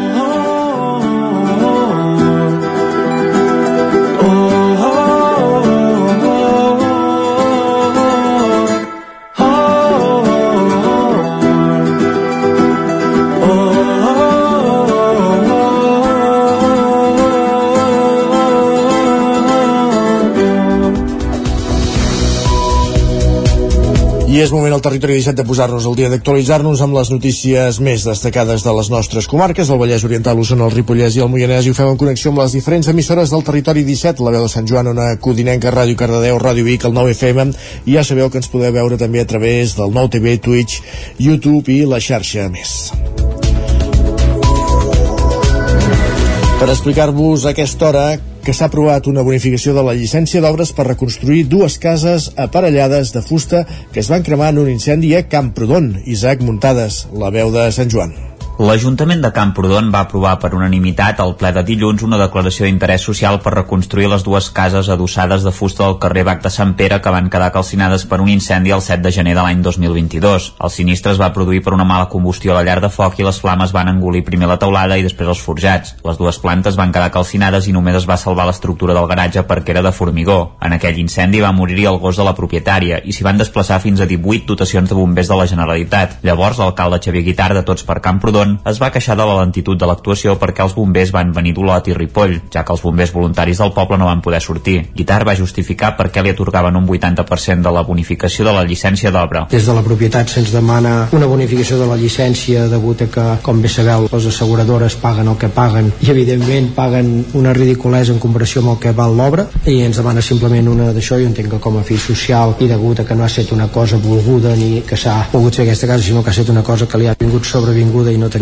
cap interès en fer-hi obres ni en fer-hi res creiem que és d'interès social Guitar sí que després de parlar amb la propietat i que aquesta aportés tota la documentació va apuntar que han portat la llicència amb més lentitud per poder-ne fer una valoració més tècnica. Joaquim Coc, de Més Camprodon, no va dubtar coincidir que era un fet sobrevingut de naturalesa catastròfica i que com que coneixien els fets i estaven al cas dels detalls hi votarien a favor. Els republicans sí que van subratllar que la declaració es fonamenta en criteris polítics i que de cara al futur es modifiqui l'ordenança per reduir aquest criteri i augmentar el tècnic a l'hora de poder objectivar quins fets tenen la categoria d'interès social. Gràcies, Isaac. Més qüestions. Vigues i Riells del FA inaugura la nova comissaria de policia, la de policia local més segura i propera al ciutadà i amb instal·lacions paritàries entre homes i dones. Roger Rams, zona Codinenca. Sí, la nova seu policial situada a l'espai de l'antic local social de Mont Paradís s'ha traslladat de la seva antiga ubicació per millorar-ne l'accessibilitat i el servei a la ciutadania i perquè es trobava en un espai patrimonial protegit com era el de Can Coromines. L'alcalde de Vigues i Riells del FAI, Joan Galiano, explica quins van ser els motius per a, que van empènyer a l'Ajuntament a moure la comissaria. Bueno, primer de tot, eh, trobar un lloc adient i digne per al nostre cos de policia local. I segon, pues, donar resposta a tot un recorregut que es va iniciar el 2015, amb el qual vam detectar una sèrie d'anomalies o d'incidències a, a la patrulla o en, el, o en la gestió de, de la nostra policia local i que durant aquests anys hem anat eh, solventant any rere any. No? Des d'equiparar-los amb elements de, per fer més fàcil la seva feina, com avui culminar-lo amb una seu i amb una, amb una comissaria, doncs, com he dit abans, digna i, i que compleixi amb tots els requisits i necessitats del cos. Algunes de les novetats més destacades del nou edifici que s'ha rehabilitat és la nova distribució, els nous accessos i tots els sistemes de seguretat que s'hi han incorporat. A més, la nova seu té el punt d'atenció al públic a l'entrada i la resta de l'edifici es divideix en dues ales on hi ha la zona de descans del personal i també vestuaris paritaris que compten eh, tant amb el mateix espai per homes com per dones. En termes d'accessibilitat també s'ha dut a terme la pavimentació de l'exterior per garantir l'accés de les persones amb diversitat funcional i dels propis vehicles del cos. Sònia Andolz, directora general de l'Administració de Seguretat i de les policies locals de la Generalitat, valora positivament aquest pas fet a Vigues i Riells. Són la primera línia de contacte amb la ciutadania. Aleshores, que hi hagi municipis que puguin fer aquest esforç de renovar infraestructures amb una cosa tan important com estava comentant amb l'alcalde, per exemple, que és poder fer de zero uns vestuaris per les dones, agents, que moltes eh, comissaries de Catalunya es van haver d'adaptar i trobar un espai mínim reduït, no sempre l'adequat per les dones policies d'aquells llocs. Aquí l'han pogut fer de zero, doncs és importantíssim perquè si la policia local treballa bé, el municipi ho, ho nota, eh, rep aquest efecte positiu no? i per tant tots sortim guanyant. Per la seva banda, el sergent i cap de la policia local, Pedro Parra, també valora molt positivament aquest canvi. Principalment el que guanyem, està clar, és l'atenció ciutadana, de tindre els accessos en condicions, sobretot, i tindre uns, uh, uns despatxos per, per, la, per poder atendre la gent còmodament, uh, personalitzats, perquè, i una, amb una intimitat. I això és, jo crec que és el, que, el principal que guanyem. Aquest projecte ha estat subvencionat a la seva totalitat per la Diputació de Barcelona i ha tingut un cost de 330.000 euros. I més policia perquè la Guàrdia Urbana de Vic ha detingut aquest dimarts un home per robar presumptament un, en un cotxe la setmana passada, Sergi. Exactament, l'home es van dur 900 euros en efectiu i també va expedir 7.732 euros en talons al portador. Els fets van succeir el passat 9 de març. Per tot plegat, ha quedat arrestat per un delicte de furt a l'interior del vehicle i també se l'ha denunciat per portar faents a sobre. Obrim plana política, l'actual alcaldessa de Montesquieu, Nuri Soler, no optarà a la reelecció per tornar a liderar la llista de Som Montesquieu amunt, una llista vinculada a la CUP, encara que formarà part de la candidatura. Soler és alcaldessa des del gener de l'any passat, ja que Som Montesquieu amunt va arribar a un acord amb Junts per Catalunya, amb qui es van partir l'alcaldia després de la renúncia en bloc del govern en minoria d'Esquerra. En una entrevista al Nou TV ha valorat positivament aquest pacte les diferències al capdavall ens assumen, no? i si tu bases el pacte en el respecte i en el diàleg doncs sempre és més fàcil de que, de que et puguis entendre amb la gent un dels temes que ha portat cua a aquest mandat i que va acabar fent plegar el govern amb minoria d'esquerres el canvi d'ubicació per ampliar l'escola. No es pot fer on és ara per ser zona inundable. També n'ha parlat Soler. Més del 50% estem en zona inundable de risc per tant les superfícies que ens queden de terreny eh, són molt limitades no ens va quedar cap altra solució que, que l'emplaçament de la nova zona escolar és on hi ha actualment el camp de futbol que això ho vam evitar a totes totes però és que no teníem cap altra Soler ha anunciat que Som Montesquieu Amunt continuarà sota el paraigües de la CUP. La llista, però, encara no està tancada. Més qüestions, anem cap a Cardedeu perquè com avançàvem la setmana passada aquest dissabte es feia l'acte institucional del 8 de març. Pol Grau, Ràdio Televisió Cardedeu. Després de la vaga pel Dia Mundial de la Dona Treballadora, des de l'Ajuntament de Cardedeu s'ha fet un acte institucional per commemorar el 8M. L'acte ha comptat amb el Parlament de la Carme Exposito sobre el recorregut històric dels drets de les dones i una lectura de poemes per part de la Núria Busquets. A més, s'ha presentat el segon Pla d'Igualtat de Gènere i Diversitat que estarà vigent fins al 2026. Ens explica Mercè Falguera, regidora d'Igualtat. Aquest pla té com quatre eixos eh, reptes importants. Per una banda és consolidar els projectes, serveis i programes que ja tenim, Cardedeu Coeduca, el Servei d'Atenció Psicològica, la xarxa SAI. D'altra banda, eh, volem fer un pas endavant amb el tema de la transversalitat de les polítiques públiques en clau de gènere, continuar amb l'eix de, dels drets LGTBI i afegir un repte més, que és el tema de l'economia feminista per, per tenir un Cardedeu una mica més feminista cada dia. L'any 2017 es va inaugurar la plaça de la Dona Treballadora, que està situada al costat de la sala polivalent de la Tèxtil Rase. Aquest any s'ha estrenat l'obra artística creada per Cardedeu Coeduca. Un espai que la població de Cardedeu no sabia on estava. Llavors, una manera de, de reivindicar aquesta plaça i de fer-la visible ha sigut fer aquesta instal·lació. Des de la regidoria d'Igualtat, eh, tot el tema gràfic ho porten des del local, la Marta i el Gerard, i se'ls va demanar una proposta gràfica en què reivindiqués eh, les tasques de cures, tant visibles com invisibles. Una mica per, per posar eh, en valor la plaça i per posar en valor les tasques de cures de les dones. I és el que es vol reflectir amb aquesta instal·lació. L'acte ha finalitzat amb un vermut per a tots els assistents. Gràcies, Pol. I un últim eh, punt cultural, perquè l'obra Ruscoca, punt 23, s'estrenava aquest dissabte a Manlleu per tancar els actes d'homenatge pòstum que la ciutat ha dedicat a Jacint Sala, Sergi. Exactament, aquesta obra es va estrenar a Manlleu, una versió de l'obra teatral Ruscoca que va estrenar el Rusc l'any 1979 al mateix escenari, el Teatre Centre, ara rebatejat oficialment com a Teatre Municipal. Un dels impulsors d'aquest grup era Jacint Sala i aquest muntatge ha tornat a, a escena per homenatjar-lo en la commemoració de l'aniversari de la seva mort. Josep Dalmau, membre del Rusc i codirector de l'obra, ha explicat quin va ser l'origen del grup.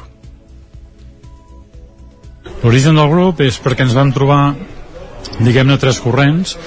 Una que era jo mateix que venia de, de l'experiència universitària de teatre universitari que llavors aquella època estava molt en boga. I era, i era trencador, era diferent. De en Jacint que també havia fet alguna cosa i també intentava fer alguna diferent. I en Jaume Collell que era part d'aquí del Teatre Centre però que també tenia aspiracions de fer molt més que no pas el que es feia que fins aleshores que era molt teatre clàssic i normal que és el que es feia a l'època, vaja. L'obra l'han adaptat als temps actuals amb un total de 5 escenes. El fil que les lligava era el combat entre la vida i la mort i entremig s'hi encabien textos literaris d'autors molt variats, des de Calderón de la Barca fins a Salvat Papaseit, passant per Salvador Espriu, Miquel Martí Pol i d'altres. L'obra l'han interpretat actors veterans amb noves incorporacions, tal com explica el seu codirector Xavier Boada. I el que hem fet ha sigut mantenir el nucli del, dels actors que estàvem a l'any 79, que eren molt joves, eh, i el, els actors que per desgràcia o bé ja no hi són o bé no podien ser-hi, eh, els hem substituït amb, amb gent més jove que també han donat un punt de frescor a l'espectacle.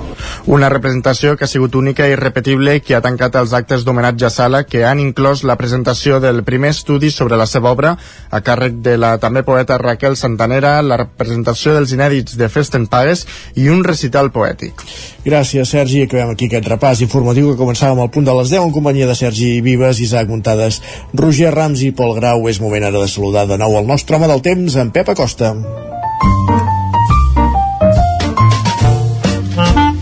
Casa Terradellos us ofereix el temps. Per tant, tornem a una codinenca perquè volem saber quin temps farà avui. Pep, benvingut de nou, bon dia. Molt bon dia. Què tal? Avui el vent afluixarà, aquesta és la bona notícia. A les zones de, d'on hi ha el foc es poden controlar més fàcilment el foc perquè el vent afluixarà i, uh, i per contra no tindrem precipitacions un altre dia. Ahir van créixer unes nuvolades cap a les, les Guilleries, cap a Montseny, van deixar quatre gotes en alguna zona, eh, molt, molt poca cosa. Realment, la sequera és molt important i no, no, no es veu cap símptoma de, de recuperació, de, de, de, no es veu cap perturbació important a, a, la, a la vora, mm, un, un, un temps eh, molt, molt, molt preocupant, eh? és que ja fa molts dies que ho vaig dient, i és que no, no, no, no és la solució per enlloc. Aquesta tarda eh, també pot créixer una nuvolada, eh, no es descarten quatre gotes, quatre gotes es podrien a caure igual que ahir, però vaja, molt, molt poca cosa. Les temperatures màximes semblants, a la majoria entre els 15 i els 18 graus, eh, temperatures normals per l'època de l'any, eh, tal com ha de ser, cap gran fredorada, cap gran calorada, per tant, les temperatures molt normals per l'època de l'any. I com deia, vents més febles, ahir que vam fa força, vam fa forts, avui ha molt més febles aquests vents. I cap cosa més destacat, a destacar.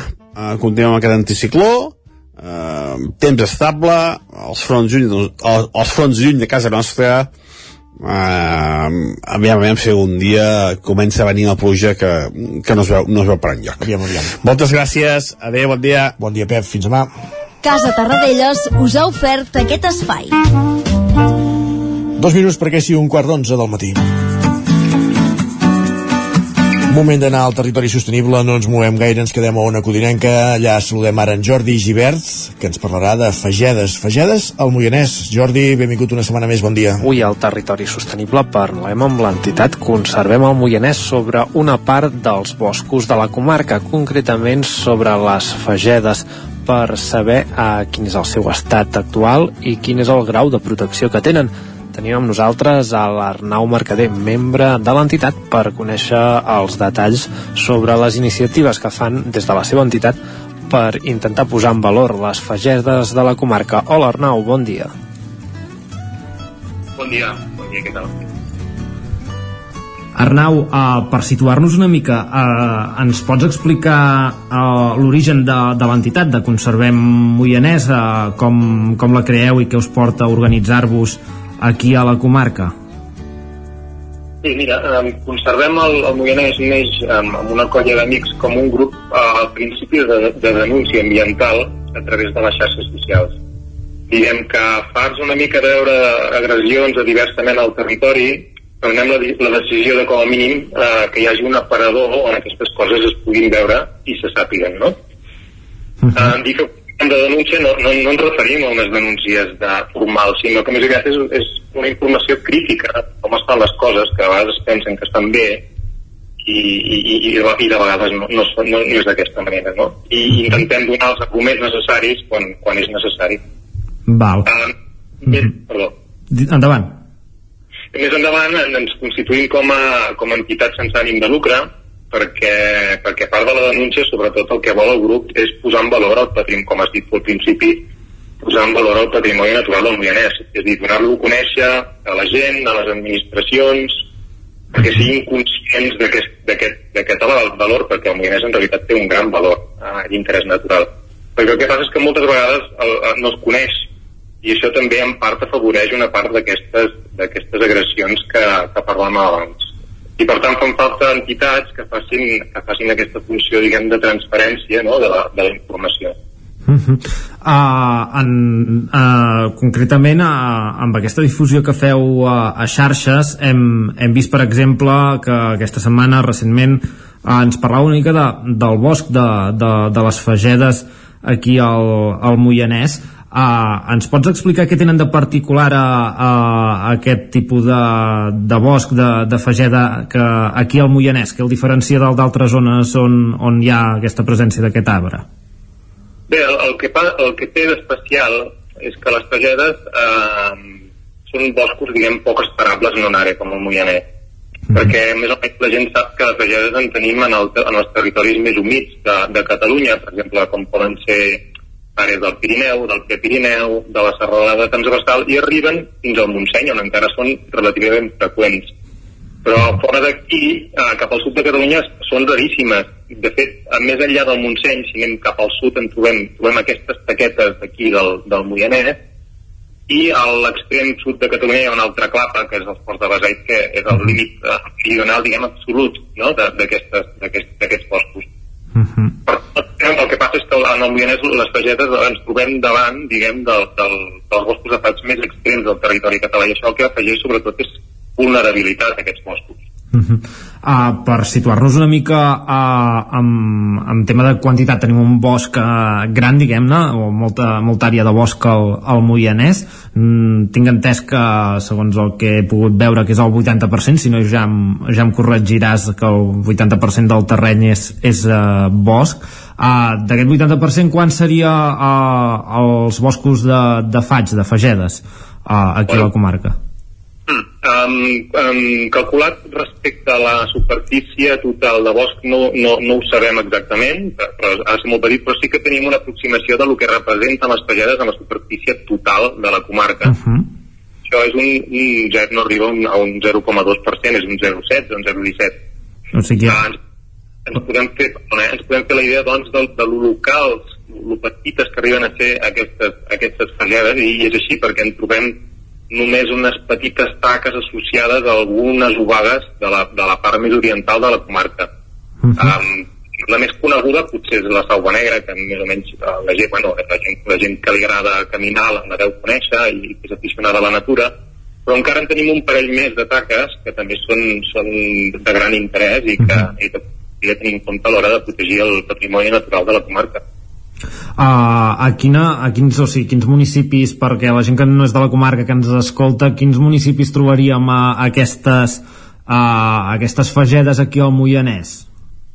Um, les, les fagedes ocupen sobretot a la banda oriental i, uh -huh. i sobretot trepitgen um, superfície dels municipis de Mollà, de Collsospina, de Castellcí, de Sant Quirze de Safaja.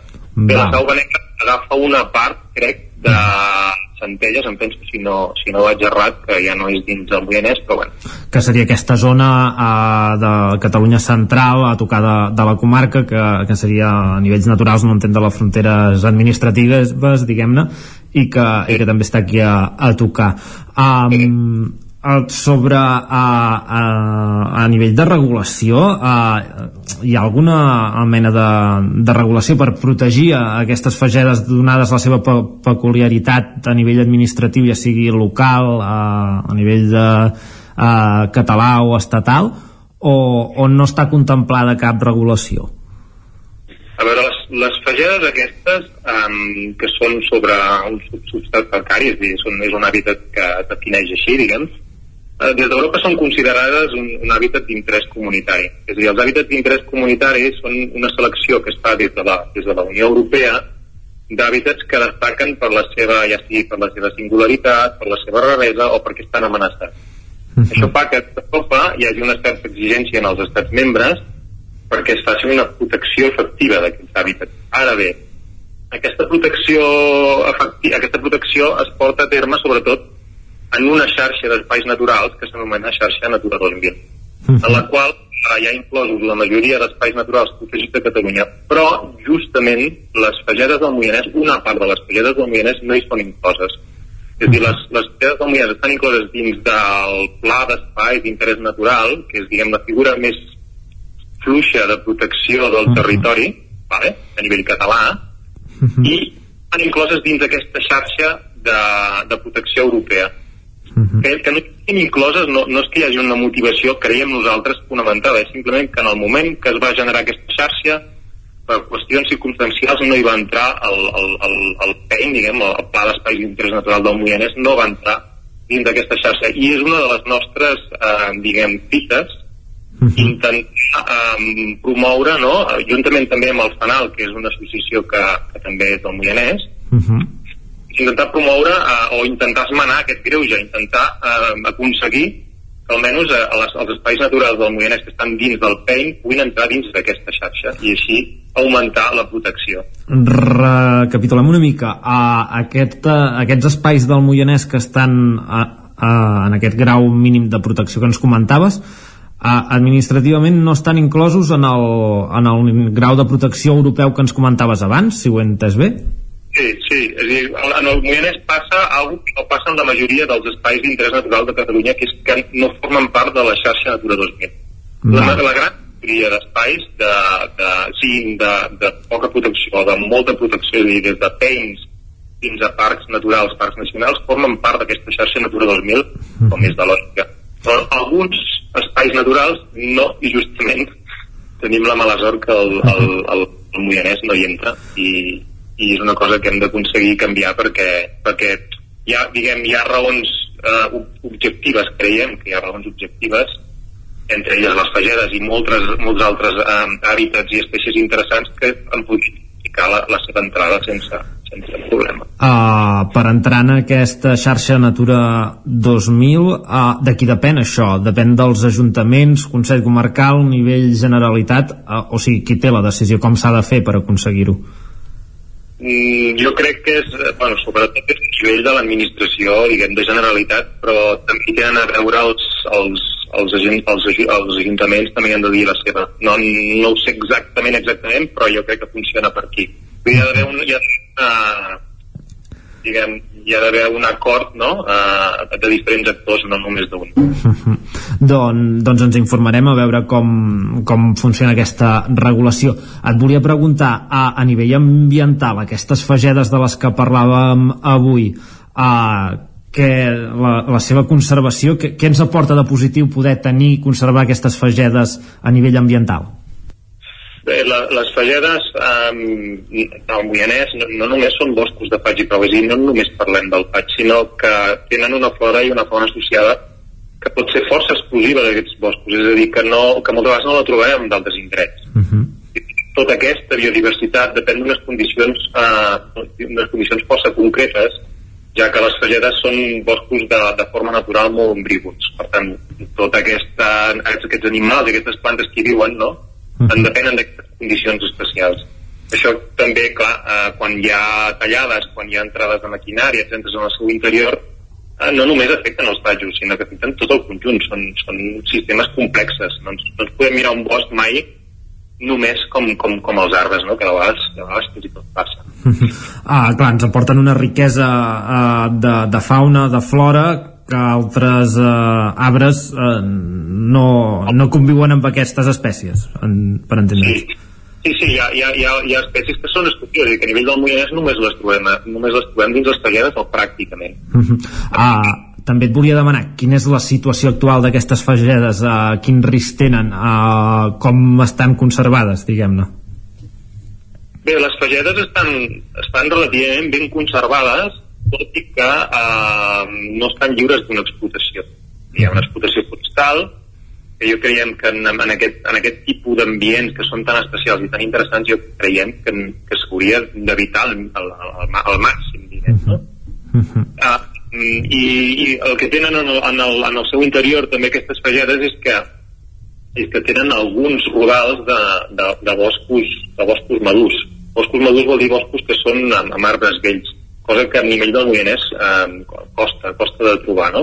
Uh -huh. I se sap, del, des del món científic se sap que, que, que els boscos madurs, eh, és a dir, aquests que estan poc explotats i que tenen arbres vells o grans, són molt importants per la conservació de la biodiversitat, eh, uh -huh. perquè els arbres vells són, són un extraordinari refugi per, per multituds d'organismes de diferents menes, des de líquens i molses que recobreixen els troncs fins, jo que sé, fins als ratpenats i els ocells que, que busquen el refugi en els seus forats, o, els, o la multitud d'espècies d'insectes que viuen en la fusta, etc. no? Uh -huh. Per tant, els, els, els boscos madurs um, um, són, molt, in, són molt interessants preservar-los i intentar afavorir-los, perquè també uh, se sap que són més, més resistents a determinades perturbacions.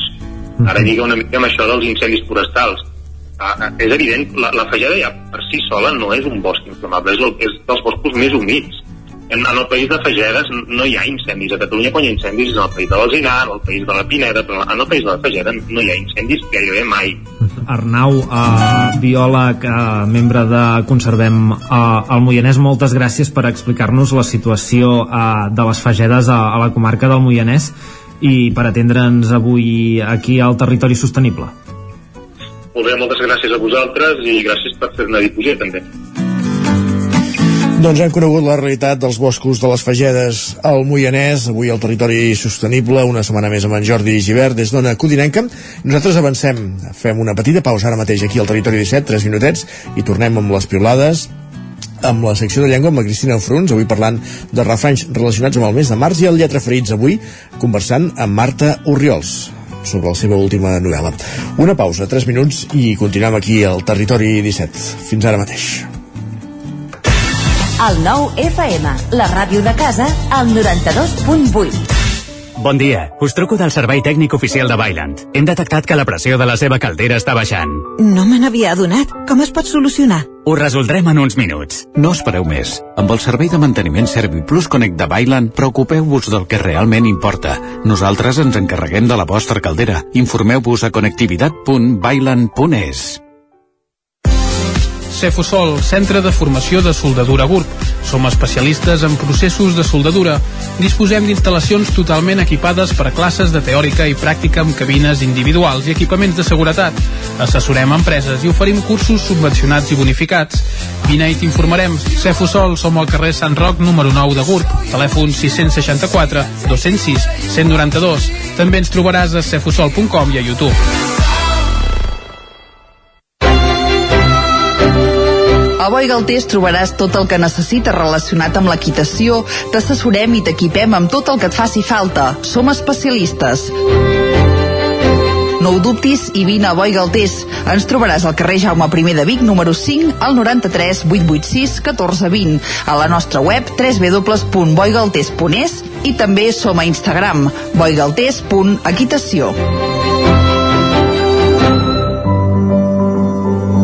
Relaxa't i desconnecta a la Vall de Ribes. El 9-9 i Eix Ambiental et regalen una estada a l'Hotel Espa Resguard dels Vents amb allotjament, esmorzar, spa i sopar. Per aconseguir aquest xec regal només has d'entrar al perfil d'Instagram del 99, buscar entre les últimes publicacions i participar al sorteig tot seguint les instruccions. Tens temps fins al diumenge 19 de març. El 25 de març arriba l'Ubic Fest, les portes obertes de la UBIC convertides en un festival. Coneixeràs tots els graus i cicles, rebràs orientació universitària i viuràs emocions que et posaran la pell de gallina. Inscriu-t'hi ja a ubic.cat barra JPO presencial. El dissabte 25 de març vine a l'Ubic Fest, unes portes obertes que et posaran la pell de gallina. Ser a prop vol dir veure les coses més bé. Apropa't al que t'interessa amb la xarxa Més. La teva plataforma audiovisual de qualitat, proximitat i gratuïta. Gaudeix dels continguts de més de 30 televisions locals i podcast quan, com i on tu vulguis. Entra a la xarxa més.cat i descarrega't l'app. Cocodril Club. Si t'agrada la bona música dels anys 60, 70 i 80, escolta el 9 FM els matins de dissabtes i diumenges d'11 a 1. És el temps del Cocodril Club, tot un clàssic de la ràdio, amb les bases del pop-rock, les llegendes, les cançons que s'han convertit en autèntics himnes. Recorda, dissabtes i diumenges al matí, d'11 a 1, al 9 FM 92.8. Cocodril Club, el programa revival de l'Albert Malla. Hasta luego, cocodrilo. En punt ara mateix al territori 17 són dos quarts d'onze.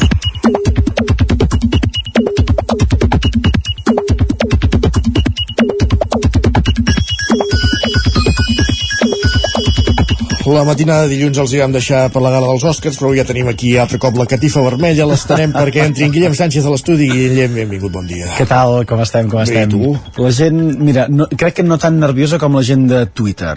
Ai, a nervis de Twitter? No, no. Titular fet, titular fet. No, no ho he vist mai. Hi ha molts nervis per dilluns que ve, dia 20 de març. 20 de març. El 19 juga el, el Madrid-Barça, no? Sí. O Barça-Madrid. Sí, correcte. Però la gent ja està fixada en el, en el 20. Primer farem una, una prèvia amb un primer missatge, a veure Ai, si saps per on van les coses. Alerta. Perquè passar-s'ho bé, Isaac, Uh, de bon matí és ben i ben fàcil. Llegim a la Pili que ens diu he esmorzat i he anat a l'ex- a l'exposició de crims amb un bon amic, he tornat caminant a casa, m'he comprat un ram de mimoses i ara faig unes braves i una Coca-Cola al solet. Així Posem llum, posem llum a la foscor a partir de dilluns. vols Podria, dir? podria ser, podria ser això. Va, sí, Isaac, perfecte, perfecte. Veig que l'has encertat. Lligat amb això, eh, el dia 20 estrenem temporada, Crims torna els dilluns a la, a la nit, a la televisió i la gent ja té moltes ganes que arribi aquesta nova data. De fet, l'ONA ens diu el 20 de març torna Crims, ja me'n puc anar a dormir feliç. Mireu que és fàcil. Mira que mireu que és fàcil. fàcil, mireu que és fàcil. L'efecte del programa és tan fort que està influint també en els hàbits de les persones com l'Emma, que ens escriu amb 31 anys i canviant els divendres nit de sortir a fer un xampú per intriga i crims amb Carles Porta. Es deu posar, entenc, el capítol repetit el divendres a, Segurament. A la, a la nit. I en Marc ens ofereix una reflexió interessant i per tenir en compte, diu que torni crims vol dir dues coses. Quines dues coses, va? Que els dilluns no seran tan dilluns, que això sempre ajuda. I número dos, diu que Catalunya és assassina. I com li agrada això a la gent, eh? Com li agrada recordar aquests Catalunya és casos. tan assassina com qualsevol altre territori. Ara mateix aquí hem posat la lupa amb aquest programa. Potser altres territoris no tenen programes que, Exacte, aquí posen la lupa. que se centren en, en això. Va, i mireu tot el que celebrarà la setmana que ve aquest usuari que ens diu dilluns 20, el meu aniversari, a punt de primavera i torna crims. No es pot ser més feliç. És el tope ja.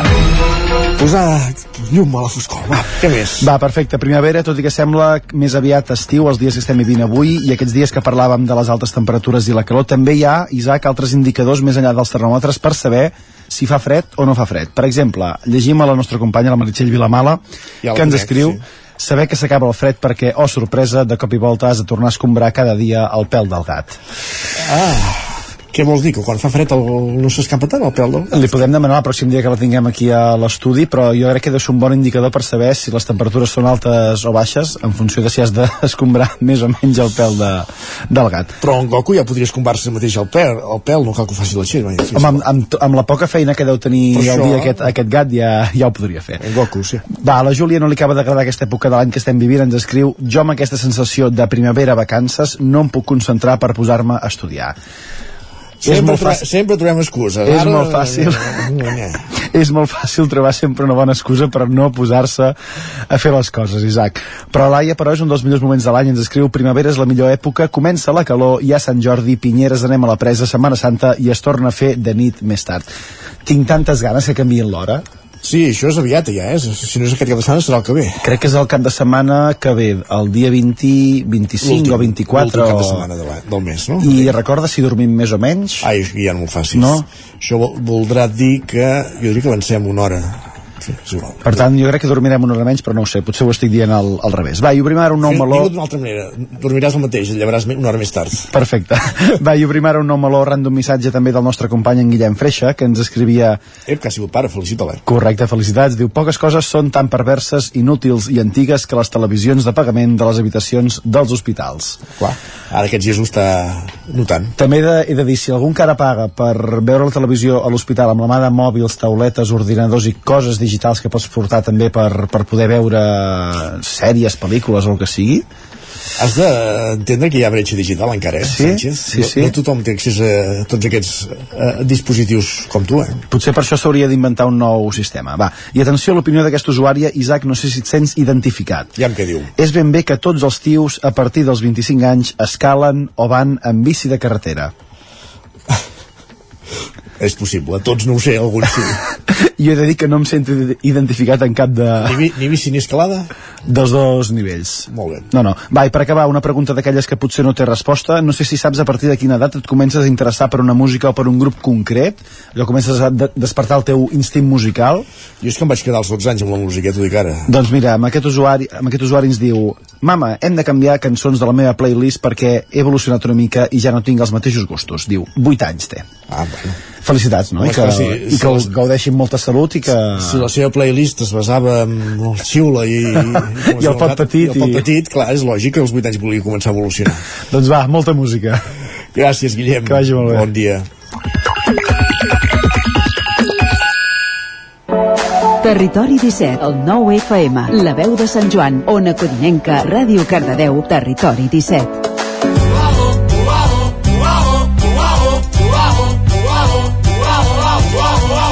Marxa en Guillem Sánchez, però no quedem sols. Ens acompanya ara la Cristina Enfruns del Territori 17 per parlar de llengua. Cristina, benvinguda una setmana més, bon dia.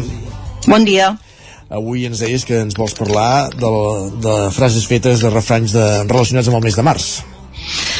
Doncs sí, uh, uh, avui em fa gràcia, ja som a mig març, Sí. uh, fer una petita enumeració de, del munt de dites, n'hi ha moltes, Sí. uh, dites i refranys que hi ha al voltant d'aquest mes. Que no sé si reflecteixen realment el que està passant, eh? ja ho veurem. Tots mm, fan molta referència a la meteorologia, veurem que no sé si ens en podem si el podrem seguir. Però quan es van fer, No? quan es van fer ningú pensava en això que en diem ara emergència climàtica. Segurament que no, eh? perquè ja ho veureu que no, no acaba de quedar tot clar. Molt Però bé, comencem per la més clàssica, que és la que diu Març marçot mata la vella a la vora del foc i la jove s'hi pot. Eh? Fent, fa referència a la meteorologia, sí. canviant, però bé, que no ens en podem refiar. Correcte. Mm? O, per exemple, la que diu que el temps d'un dia prediu el que farà la resta. I el refrany diu el que pel març fa el dia 3 fa tota la resta del mes. Ara, Jo no me'n recordo què, què No, va fer tampoc. el dia 3, eh? segurament que va fer bo. No ho sé, era un divendres, això sí, però no me'n recordo. Segurament que devia fer sol, eh? No, no ho sé, però bé, es veu que es veu, ens hem de mirar aquest dia 3 i, El dia i sabrem el que fa la resta de l'any. La data Ai, la resta del mes, perdó. Correcte. Més, diu, un altre que, que realment això no ens aclareix res, eh? que diu març habitual, un dia bo i un dia mal. que tampoc eh, no sé si és el cas, eh? perquè seria un dia bo i, i l'altre també. L'altre dia, sí, sí. O, per exemple, eh, contrast tèrmic. Mm, sol de març porta refredats, aquest potser sí que és bo, eh? Sí. perquè aquí eh, en, en, en, en anem tenint. O bé, ja, ja els arrosseguem del febrer, del gener Ja i del els desembre. no els deixem, ja, ja no no, saps si, són, si, si és pel contrast tèrmic del març o per què és, però sí. Exacte, exacte. O bé un altre que diu març marçador, nit Mhm. freda i dia amb calor.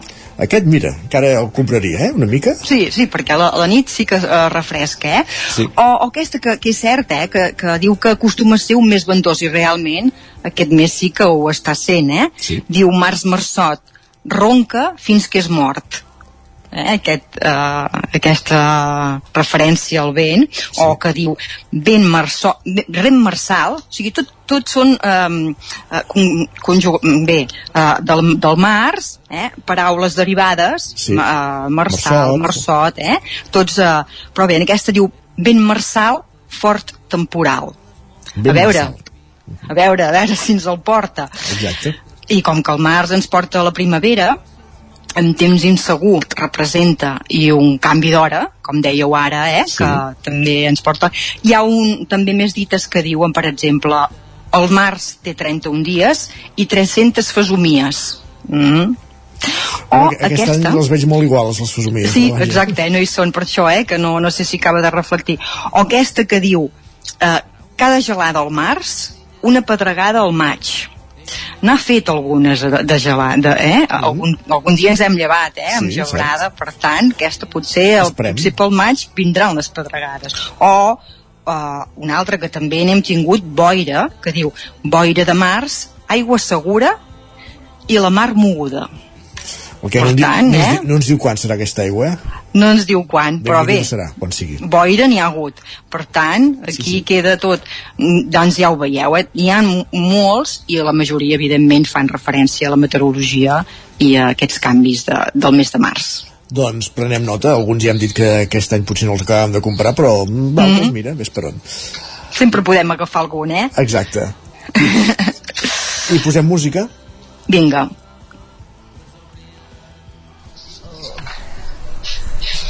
Tu, de l'1 al què ens veiem tots al pantà. De l'1 al 2. Uh! Vosaltres també, eh? Vinga, va. Vale. Un, dos, tres, dos. He perdut un de l'u al què i ara no m'atreveixo a fer-ho. De l'1 al què? Et He declares encertat de l'u al mil i he de declarar el meu amor de gamberro. I quantes coses han passat, crec que m'he enamorat. He sentit papallones a la panxa i m'ha escatat. Els meus CDs l'han tremat, a mi m'han embaucat. M'han fet jugar a un joc que diu... De l'u al que surts amb mi aquesta nit De l'u al que vas amb grassa que el partit De l'u al que, de l'u al que, de l'u al que de l'u al que surts amb mi aquesta nit. De l'u al que vas amb ressacar el partit. De l'u al que, de l'u al que, de l'u al que De l'u al que, de l'u al que l'Elias apostant allà pel terra d'aquest tren de Avui, Cristina, repetim cançó, però per, per un bon motiu. Estem escoltant de l'1 al que una de les darreres entregues dels Tallets o els Tiets, mai sabem com, com els hi hem de dir, eh? Sí, sí. Doncs bé, sí, eh? Si eh, ens escolteu a vegades, doncs direu, ostres, aquesta ja la vam fer, però jo crec que bé s'ho mereix, no? Ja que va ser la cançó més votada com a, com a millor cançó del 2022, bé, doncs mira, m'ha fet gràcia tornar-la a repetir. Uh -huh. estem, parlant tornarem a- estem parlant dels Premis en Rock, eh? Ai, no, sí que no ho he dit, perdó, eh? Dels Premis en the Rock, sí, evidentment. Uh, la repetirem, la tornarem a analitzar, eh? Perquè, mira... Uh, Doncs va. Què hi trobem? a, a veure, uh, comencem quan diu li he de declarar el meu amor de gamberro Sí. ens en sona malament aquest gamberro però no, eh? si busquem el DIEC el diccionari normatiu surt mm, gamberro com a paraula normativa, per tant, al costat de brètol. Evidentment, també podem dir gambarrada, eh, que abans potser feia molta correcció dir això és una bretolada, doncs no, que sapiguem que tant podem dir gamberro com gambarrada. Són paraules que existeixen al diccionari normatiu. He sentit papallones a la panxa i m'has catat, aquesta que sona ara. Sí. Aquest catar, eh? Vigilem, no és normatiu. Eh? És, és en castellà. Correcte. Oh, seria mi, mm, tastar, però tot i que eh, catar eh, existeix com a, com a prospecció, excavació, llavors sí que és correcte, però quan es tracta de, eh, de provar o, o de gustar... O el, eh, en el tas de cas, vins de tota la vida. el ta exacte, no són cates de vins ni cates de... Mm? Uh, això serien tas, doncs vigilem amb aquest verb, eh? Mm, no és un verb normatiu. Les, les cates, les prospeccions per veure com està el sol, una, una cata eh, geològica, A en veure, aquest cas sí. eh, en aquest cas sí. Però faríem, tenim altres paraules per fer, eh? Podríem parlar de- de- d'excavacions, de, prospeccions, sondatges, eh, Entesos. cales, escandalls, mm, hi ha moltes altres eh, um, altres opcions. Uh, la, la, aquesta de la tornada, quan diu de l'u al què, que la lies, sí. aquest liar, eh, evidentment és un castellanisme, l'emboliques, o hi ha una expressió que, que el tenim en català que és prou bona, quan diu fer-la grossa, per exemple, eh? quan no la lies, sinó que la fas grossa. Per tant, aquest vigilem. O, per exemple, liar els cigarrets, no, eh, escargolen, seria la millor opció. Mhm. Mm? I per acabar, hi ha aquí una, una construcció jo et desafio a jugar-te-la per mi i a que et quedis a dormir aquest a que et quedis a dormir eh, sintàcticament és una construcció mal feta és el que n'anomenem caiguda de preposició eh? aquesta A cauria i per tant hauríem de dir que et quedis a dormir i treure la preposició Molt Cai, bé. caiguda de preposició mm, i aquí és tot La setmana passada, per cert, va haver un intens debat a Twitter sobre el, el llenguatge que utilitza Detallets. Uh, mm. En fi, no hi entrarem, però ha estat bé, si més no, uh, aquestes aportacions que han fet avui, diguéssim, perquè moltes vegades veiem expressions que farien funcionar igualment la cançó i que, i que, i que millorarien. ja, ja, no, i en aquest nou també el bailoteo aquest Exacte. i, i moltes altres coses que sí, sí, sí però bé uh, És l'evolució de la no llengua. dir. Exacte. Gràcies, Cristina, una setmana més. Vinga, vosaltres Bon dia. adéu-siau. Crec que m'he enamorat. He sentit papallones a la panxa i m'has catat Els meus CDs l'han tremat. A mi m'han embaucat M'han fet jugar a un joc de Déu De l'1 al que surts amb mi aquesta nit. De l'1 al que vas amb braça que el partit. De l'1 al que, de l'1 al que, de l'1 al que. He perdut un de l'1 al que i ara no m'atreveixo a fer-ho M'han encertat de l'1 al 1000 i he de declarar el meu amor de gamberro.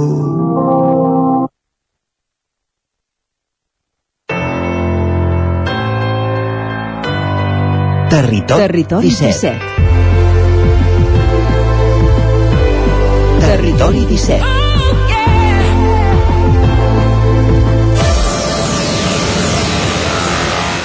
Un minut que passa de 3 quarts d'11 del matí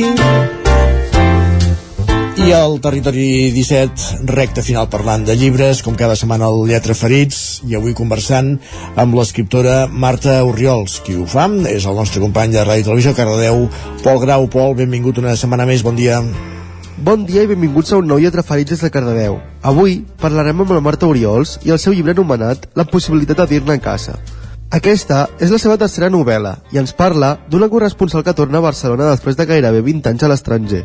Vol agafar distància d'una regió del món que l'apassiona i la desgasta, d'una professió que voldria exercir d'una altra manera, i també d'una amistat amb una dona més jove que la porta a qüestionar-se els fonaments de la seva intimitat. Un cop tornada al poble on va créixer, retroba la família, els amics i l'home que havia estimat. L'espai familiar es converteix en una font de petites revelacions que l'ajudaran a traçar el seu itinerari vital i reconèixer la necessitat de pertànyer a un lloc i a unes persones. Bon dia, Marta. Per començar, al, al tornar a casa, ella es retroba amb el pes de la família. Es troba amb totes les fotografies que tenen allà penjades, però per a ella no ha estat el temps, però per la família sí. Com, com va ser escriure tot això? Bueno, sí, tenia ganes de parlar d'això, no? De, de... La família jo crec que quan fas literatura és un tema que es cola sempre, vulguis o no, no? Perquè és aquells tòtems que hi han de temàtics i perquè jo crec que la família al final acaba sent també en gran part el que et conforma la teva identitat moltes vegades, no? tant si t'hi portes bé com si t'hi portes malament té un pes específic, no? tot allò que heretem i, i aquí la novel·la me tenia ganes de parlar d'aquest tipus de conflicte familiar que aparentment no hi és, aquestes famílies on tot va bé, no és una, una família conflictiva ni és el paradigma de la família amb problemes i això, sinó que el conflicte neix precisament per tot allò contrari, no? per tots aquests silencis, per tota aquesta cosa políticament correcta, pel no explicar els problemes, deixar-ho tot una mica super, superficial. No? Llavors ella ve i és una persona bastant diferent, és una mica l'ovella negra de la família, no? Ha marxat de casa sent una jove que tenia moltes ganes de veure món, de marxar. Ells, els seus pares, tenen un negoci familiar, que és aquesta ferreteria al poble, i, i ella ha fugit de tot això no? i sempre li sembla que la germana que sí que estat allà al peu del canó doncs tenen una relació una mica tibant no, no, no és que s'hagin barallat mai per res en concret, igual que amb la mare no, no ha passat mai res però té aquesta sensació que és real de que hi ha com una distància entre, entre ells no? Llavors, eh, ella torna de Beirut en una fugida molt personal, no? en un moment de crisi de professional, no? de la manera d'exercir el periodisme, però també una crisi personal de no saber què li passa a nivell emocional. No?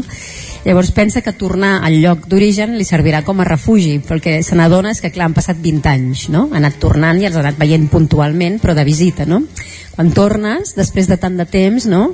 te n'adones que, que aquesta gent també ha fet, ha anat creixent, no? ha anat evolucionant, no només d'edat, sinó de la seva vida, el context ha anat canviant, i per tant no són els mateixos, no? I, i tu mateixa, en el teu lloc d'origen, on fa 20 anys que no hi ets, no? és com si t'emmirallessis si la que mirés és aquella nena que va marxar, aquella jove però clar, amb la mirada ja eh, tamisada i canviada d'una persona adulta no? llavors has d'adaptar-te a aquests pares que s'han fet grans, no? que per molt que tu t'hagis imaginat que els teus pares ja són grans, són grans d'una manera molt real, diguéssim, no? I, I llavors aquesta germana, que sempre hi ha aquesta tibantor, també acaba entenent que és almenys qui ha estat allà i qui ha estat amb aquests pares, no?, que s'han fet grans. I, bueno, parlar una miqueta de tot això, sí. Amb tots aquests personatges secundaris, ja siguin de la família o al Líban, quan comences a escriure, ja els tens situats o a mesura que vas escrivint els vas col·locant? Comencem per lo fàcil, que és lo del Líban. Perquè els que surten al Líban, bàsicament, menys l'equip amb qui ella treballa, que són dos personatges que surten molt, que són el Samir i l'Ivan, que són el càmera i el productor d'allà, que són personatges agafats de la realitat, que era l'equip que portava la Txell sempre i amb qui ella em deia que allà eren els seus àngels de la guarda, però no en el sentit de seguretat, que també, sinó que era la família escollida, no? Realment és, són ells qui la van introduir doncs, amb tot un cercle d'amistats, altres periodistes, i qui, qui li van fer una mica de guia sentimental allà, no? Aquests hi són i són importants, sobretot per la part professional i, i, i altres personatges que, que surten a Beirut, com el Jad, que és aquest millor amic que ella té allà, que és gairebé un germà libanès, no? Aquest sí que ha sigut afegit a posteriori del viatge, que és uh, l'amic de veritat de, de la Txell en aquest cas, i que ens el va presentar i que té un restaurant allà i bueno, quan veus la relació que tenen dius és impossible, no? una persona, una protagonista necessita aquest personatge també allà no? i llavors els altres personatges secundaris van sortint eh, i sempre m'ha passat així eh? amb els altres llibres també jo no, no sé què passarà la història realment no? tens una idea, alguna cosa però no sé cap on anirà llavors em semblava que algú que, que torna es trobarà amb tot de personatges del seu passat, evidentment la família, no? i per tant hi ha aquests secundaris que tenen un paper clau com la mare i la germana sobretot, però penses, bé, doncs has d'inventar-li una millor amiga, una confident, no? on li pugui explicar per què torna del Líban, no? I, i li has de posar coses que la revolucionin una mica, que es trobi, per exemple, un ex, no? un ex que té una vida muntada que ella eh, podia haver tingut amb ell però no té, no? o sigui que ho vas creant una miqueta sobre la marxa, sobretot, no? i el que passa és que el, el llibre està narrat en primera persona jo crec que quan narres un llibre en primera persona és important que els secundaris tinguin un paper clau perquè provoquin en aquesta protagonista tota una sèrie de, de reaccions i tu la puguis, o sigui, el lector pugui entendre qui és sense que ell hagi de parlar molt en veu alta, sinó molt a través del que els altres li provoquen, no? No, no sé si m'explico o no, però a vegades necessites tots aquests eh, personatges que pivoten al seu voltant per això, no? per entendre aquesta primera persona que tu la sents pensar, no? i per tant per molt que ella pensi una cosa, després des de fora n'hi diuen una altra i tu veus com és ella realment en funció de què, què respon, no? Un personatge secundari important és la Valèria. No sé si ens pots explicar una mica qui és la Valèria. La Valèria, sense desvelar gaire aquí, per si no l'han llegit, és una freelance eh, italiana que ella coneix a, a Beirut i de la que creu haver-se enamorat, tot i que s'ho nega una vegada i una altra, no? Uh, jo tenia ganes de parlar i et dic, quan, parles un, quan escrius un llibre no hi ha un tema clar, jo crec que més en aquest llibre hi ha molts temes que és una mica com la vida, no? és la, un fragment de, de la vida d'algú i penso que la vida d'algú les relacions amoroses hi tenen un pes important no? i a més a més ara està com de moda a negar l'amor, no parlar de l'amor, no escriure històries d'amor, no? I, i jo m'hi nego molt perquè penso que és una cosa molt important, no? I que és un motor, de fet aleshores eh, tenia ganes d'això, de revolucionar una mica més la Valentina, no? i tot i que es trobés amb aquest text, que tu sabessis que en realitat en part torna del Líban perquè està totalment confosa, no? perquè he conegut aquesta dona una noia que és molt més jove que ella, que més és lesbiana obertament, que no té cap mena de problema amb la vida i que és molt decidida, és molt bona periodista i ella l'admira, l'admira molt no? i hi ha aquesta cosa que no sap què li passa si és ben bé que és la persona que a ella li agradaria ser o hi ha una, cert, hi ha un, una atracció molt, molt evident, no? però tu ho saps perquè la sents pensar, no? però ella sempre em marca com unes distàncies tota l'estona. I no explicarem què passa amb la Valèria, perquè si no... Durant tot el llibre fas molta reflexió sobre el que anomenem casa. Què és per tu casa teva? Clar, casa de casa sempre és un lloc uh, físic, no? que és el teu niu, diguéssim, jo sempre a casa m'agrada que sigui el meu refugi casa meva on visc amb els meus dos fills no? és el meu refugi, tot i que a vegades és un, un camp de guerra, de batalla també no? més, cada vegada amb adolescents és més, ca, més camp de batalla que, que refugi, però allà estem però realment jo crec que el sentiment de, de pertànyer més que de casa, que és un molt del que parla el llibre, no? Uh, és el lloc on tu et pots sentir tu mateix no? I, i aquest sentir-te amb tu mateix pot ser, hi ha gent que realment al lloc li acaba despertant uns sentiments molt concrets no? i per tant és molt important però per mi per exemple pertany a un lloc és més per això, pertany a una xarxa de gent que és qui et sosté, que poden ser els teus amics, la teva família, no? I per tant jo ho sento més com el lloc on pots ser tu mateix a través d'aquestes persones que estan al teu voltant que no pas un lloc concret geogràfic, no? Com estàs vivint tot això des de que vas començar a escriure fins a dia d'avui, l'evolució de les noves traduccions que tens i que has hagut de fer viatges per als llibres? Doncs encara amb incredulitat, i no, no és falsa modèstia, de veritat que em costa molt de creure-ho, i em costa tant que intento no pensar-ho gens, saps? Perquè si no em, em clar, suposo que des de fora veus una persona que escriu que li va bé, no? i la veus aquí i allà, però tu arribes a casa cada dia i penses, bueno, clar, és que escriure és una cosa molt solitària, no és un treball amb equip, i jo crec que això fa molt, no? Bueno, és un treball amb equip, no, no vull deixar davant dels editors, evidentment, que són un equip en el fons, no? I en el fons no són un equip, no? Hi ha una feina darrere d'equip, diguéssim, però el fet d'escriure, tot el procés de crear un llibre és molt solitari, és una cosa que tu fas que no tens mai clara per què la fas no? per, tu saps que és una necessitat escriure i per tant aquests llibres han anat sortint i jo per exemple tinc la sensació que cada vegada que he acabat un llibre penso és l'últim perquè no, ara ja segur que no, no se m'ocorrirà cap més història no escriuré res més no? Però i te n'adones això que et deia? Amb la pandèmia jo no tenia cap encàrrec ni res, no m'han fet mai cap encàrrec. Són llibres que han sortit per la necessitat de parlar d'alguna cosa no? per la necessitat d'escriure sobretot. Llavors penso que, no sé, m'estic adonant mmm, que s'ha convertit en la meva feina no em dedico res més que això. Uh, eh, genera feina evidentment també administrativa perquè moltes hores ja no només són d'escriure sinó de contestar mails, d'organitzar agendes de fer factures, no? llavors és, un, és la meva feina no?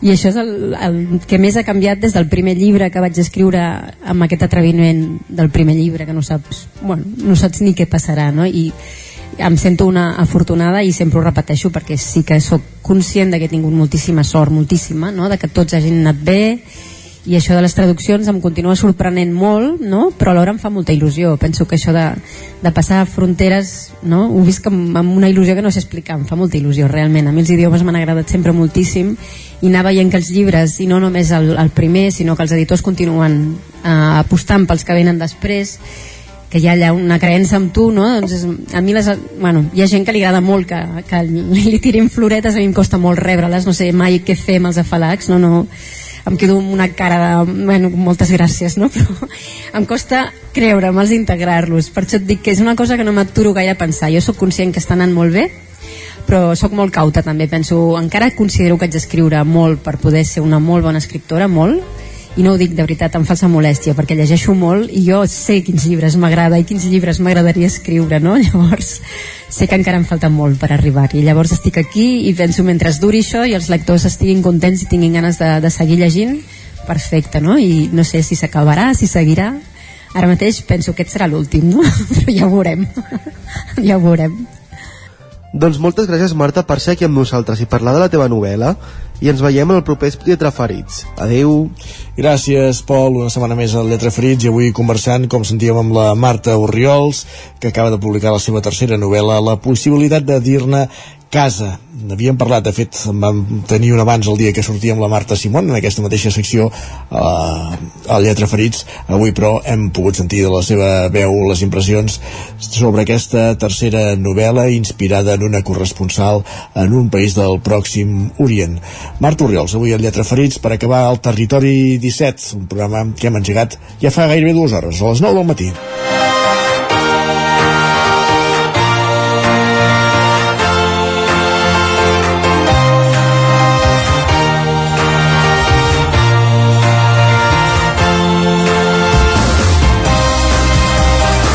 Un territori 17 que arriba a la seva fi. Posem punt i final al programa d'aquest dimecres 15 de març de 2023 i tornarem demà dijous a la mateixa hora. Avui us hem acompanyat des de les 9 Isaac Muntades, Roger Rams, Pepa Costa, Jordi Givert, Guillem Sánchez, Cristina Fruns, Pol Grau, Sergi Vives i Isaac Moreno. Com dèiem, hi tornem demà a partir de les 9 fins a les hores. Gràcies per ser-hi. Molt bon dimecres. Adéu-siau.